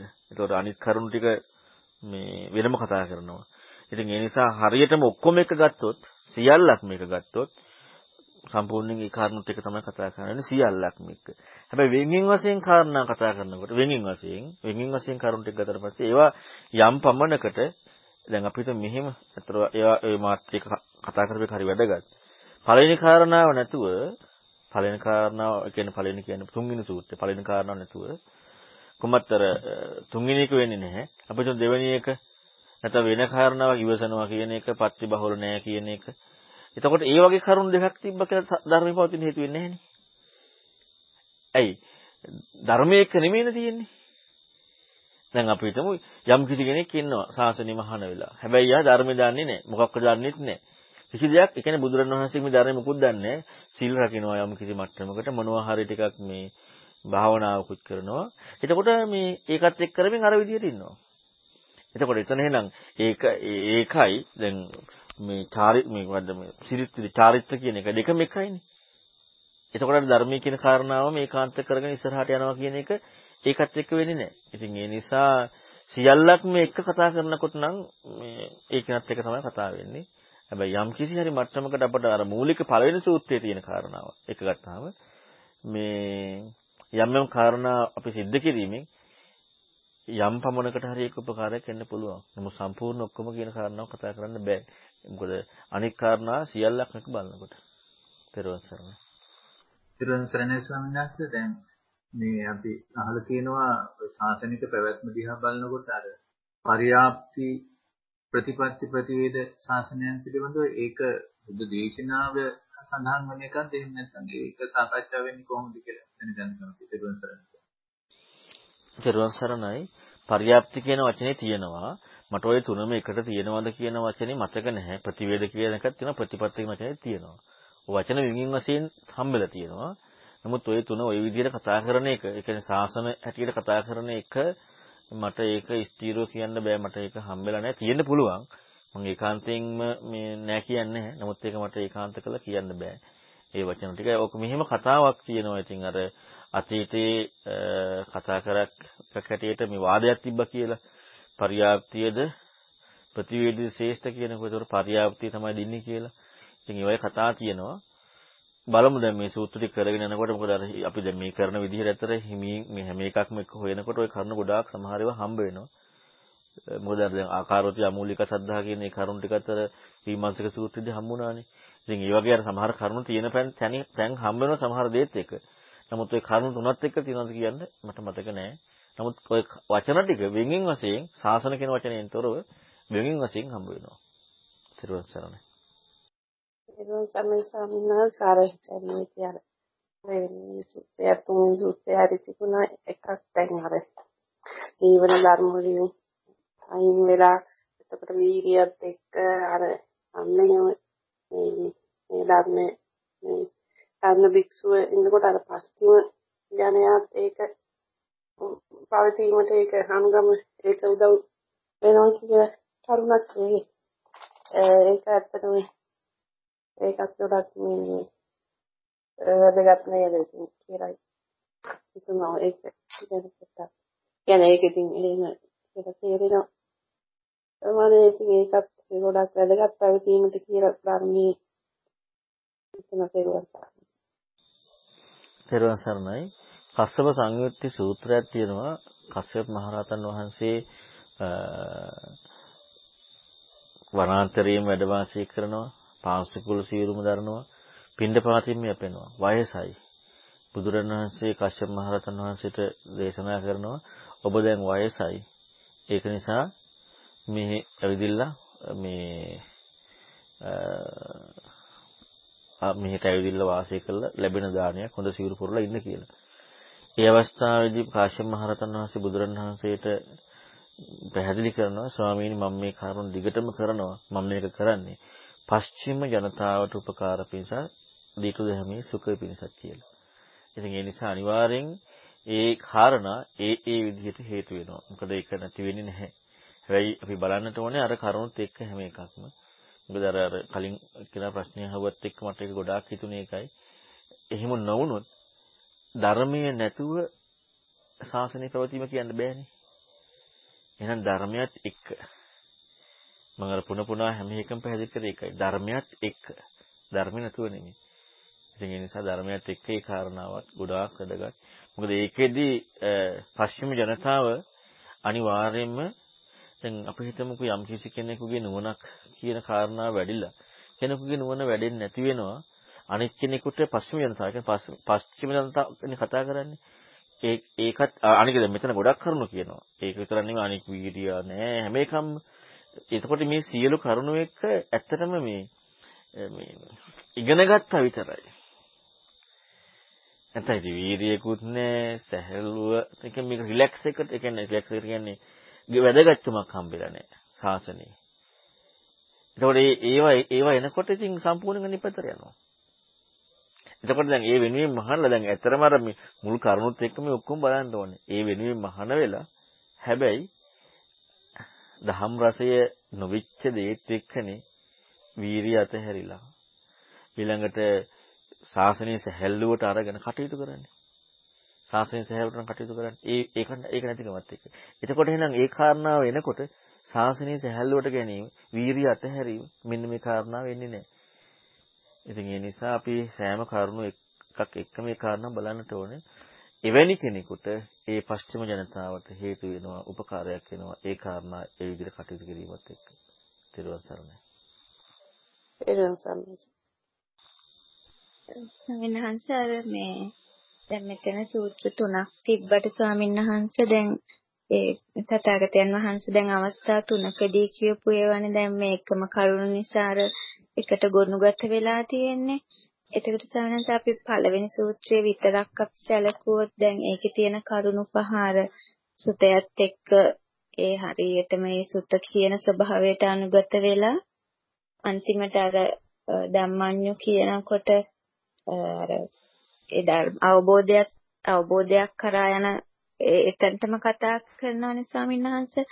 එතකොට දැන් ඒ සූත්‍රය විතරක් අපි සැලකුවොත් දැන් ඒක ඒ දේශනා කරපු අවස්ථාවේදී එතකොට දැන් මෙතන අර ඊගාව සූත්‍රයේ කියන අර මේ සුත්ත ගෙය්‍ය ව්‍යාකරණ ගාථා කියලා ඒව හදාරලා අන් අයට ඒ ධර්මයව අර හොඳට කියලා දෙන්න නොගියත් එච්චර දුරක් නොගියත් අර මේ තැනින් නවත්තනවා කියන ධර්මය අවබෝධ වෙච්ච තැනකට යනවා කියන තැනදීම මේ ශාසනය පැවැත්ම වෙනුවෙන් යම් දෙයක් සිද්ධ වුණා කියලා ගන්න පුළුවන්ද? සර්වන් සරණයි. ඇත්තටම මේ ඔක් කිව්වේ ගොඩාක් වැඩගත්. මොකද හේතුව මම මුලින් පටන් ගන්න කිව්වා දේශනාව අපි මේක කරුණු අවස්ථා තුනකදී භාග්‍යතුන් වහන්සේ පැහැදිලි කරපු දේශනාවක්නේ. ඉතින් එහෙනම් අනිවාර්යයෙන්ම ඒ ඒ දේශනාව අපි බලන්න ඕනේ ඒ කාරණාවත් එක්ක. මොකද එහෙම නොවුනොත් එහෙම අපි දන්නේ මේ අවස්ථාව මොන වගේ අවස්ථාවක මොකකට කරුණක් මුල් කරගෙන මේ කතා කරන්නේ කියලා. හැබැයි යම් කිසි කාරණාවක් කතා කරේ ඒ ඒ අවස්ථාවට මුල් කරගෙන. එහෙනම් දැන් පළවෙනි සූත්‍රයේ මේ මේ කරුණ දැන් කරුණ මොකද්ද? ධර්මයේ සකසලා අහනවා, ධර්මයේ සකසලා පුරුදු කරනවා, ධර්මයේ සකසලා දරා ගන්නවා, ධර්මයේ සකසලා අර්ථය පරීක්ෂණය කරනවා, ධර්මයේ සකසලා අර්ථමඤ්ඤය ධම්මඤ්ඤය ඒ බවට යොමු වෙනවා. එතකොට දැන් ඒ කාරණාව තුළින්ම ධර්මයේ ශාසනය පැවැත්මට හේතු වෙනවා. එතකොට ඒ පරියායත් එක්ක ගතට පස්සේ ඒක හරි. මොකද එතන එතන කතා කරන්නේ ඒ කාරණාව.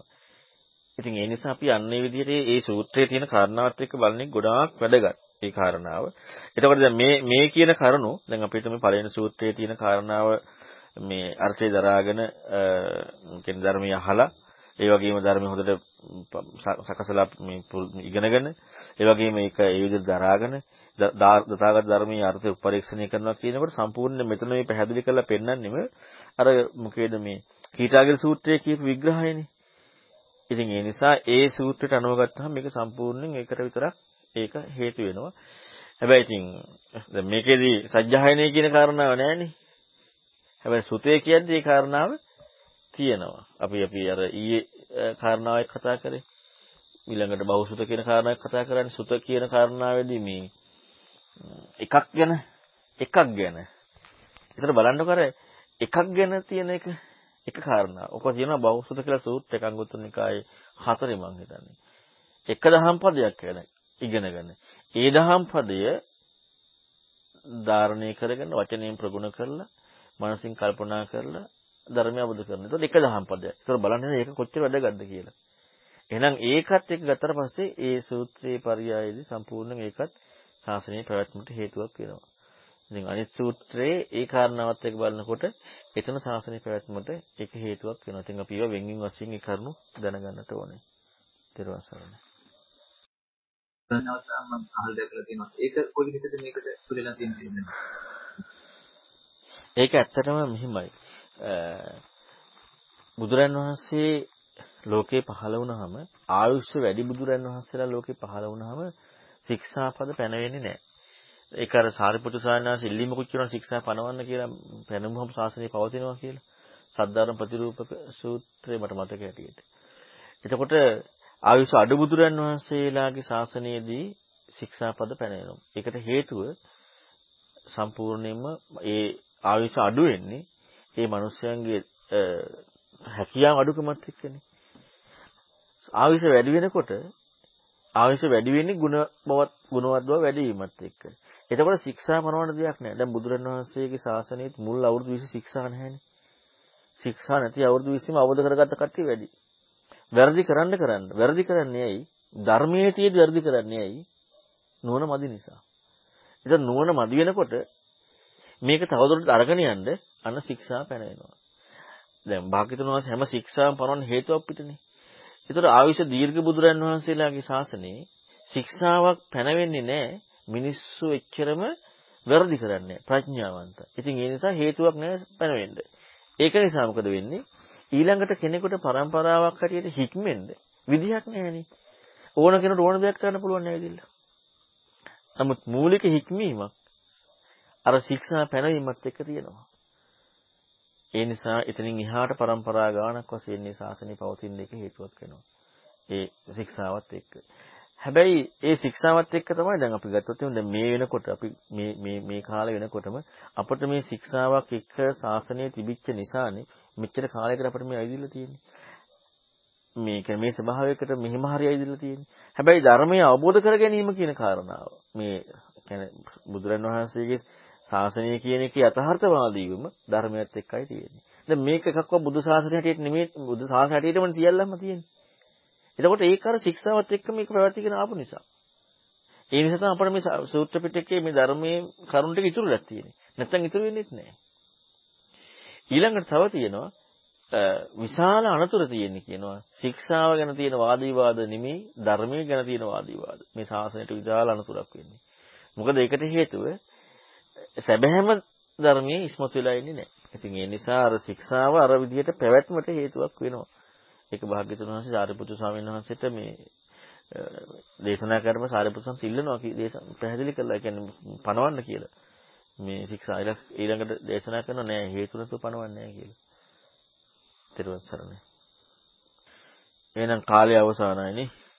එහෙනම් අපි හෙට මේ නකුල පිට සූත්‍රයේ කතා කරමු. සක්කාය දිට්ඨිය ගැන විස්තරයක් ගන්න පුළුවන්. මේ අපි මං හිතන්නේ දවස් ගණනාවක් තිස්සේ මං හිතන්නේ අපි අර කීටාගේ සූත්‍රය කතා කරන්න පටන් ගත්ත දවසේ ඉඳලා මේ දක්වාම අපි ධර්මයේ ඉගෙන ගැනීම තියෙන වැදගත්කම කියන ඉගෙන ගන්න ආකාරය ඊළඟට අවබෝධ කරන්න විදියට හිත සකස් වෙන ආකාරය මේ සියල්ලක් අපි කතා කරන්න හේතුණා. ඉතින් ඒක මේ ධර්මීය පිළිබඳව හොයාගෙන යන කෙනෙකුට විශාල වැදගත්කමක්. ඉතින් ඒ නිසා අද දවසේත් අපි මේ කතා කරපු මේ ධර්මයේ තුලින් බුදුරන් වහන්සේගේ බුද්ධානුභාවයෙන් ධර්මයේ ධම්මානුභාවයෙන් සංඝරත්නයේ සංඝානුභාවයෙන් අප විසින් මේ කරන මේ සියලු ධර්ම සාකච්ඡා ධර්ම දේශනා ධර්ම ශ්‍රවණේ ඒ වගේම මෛත්‍රී සිත මේ සියලු දේවල් වල අනුභවයෙන් මේ ලෝකයට මේ ශ්‍රී ලංකාවට උදා වී තිබෙන මේ වසංගත බිය දුරු වී සියලු දෙනාට සතුටින් සිටින්න හේතු වාසනා වේවා. ත්‍රිවසරණ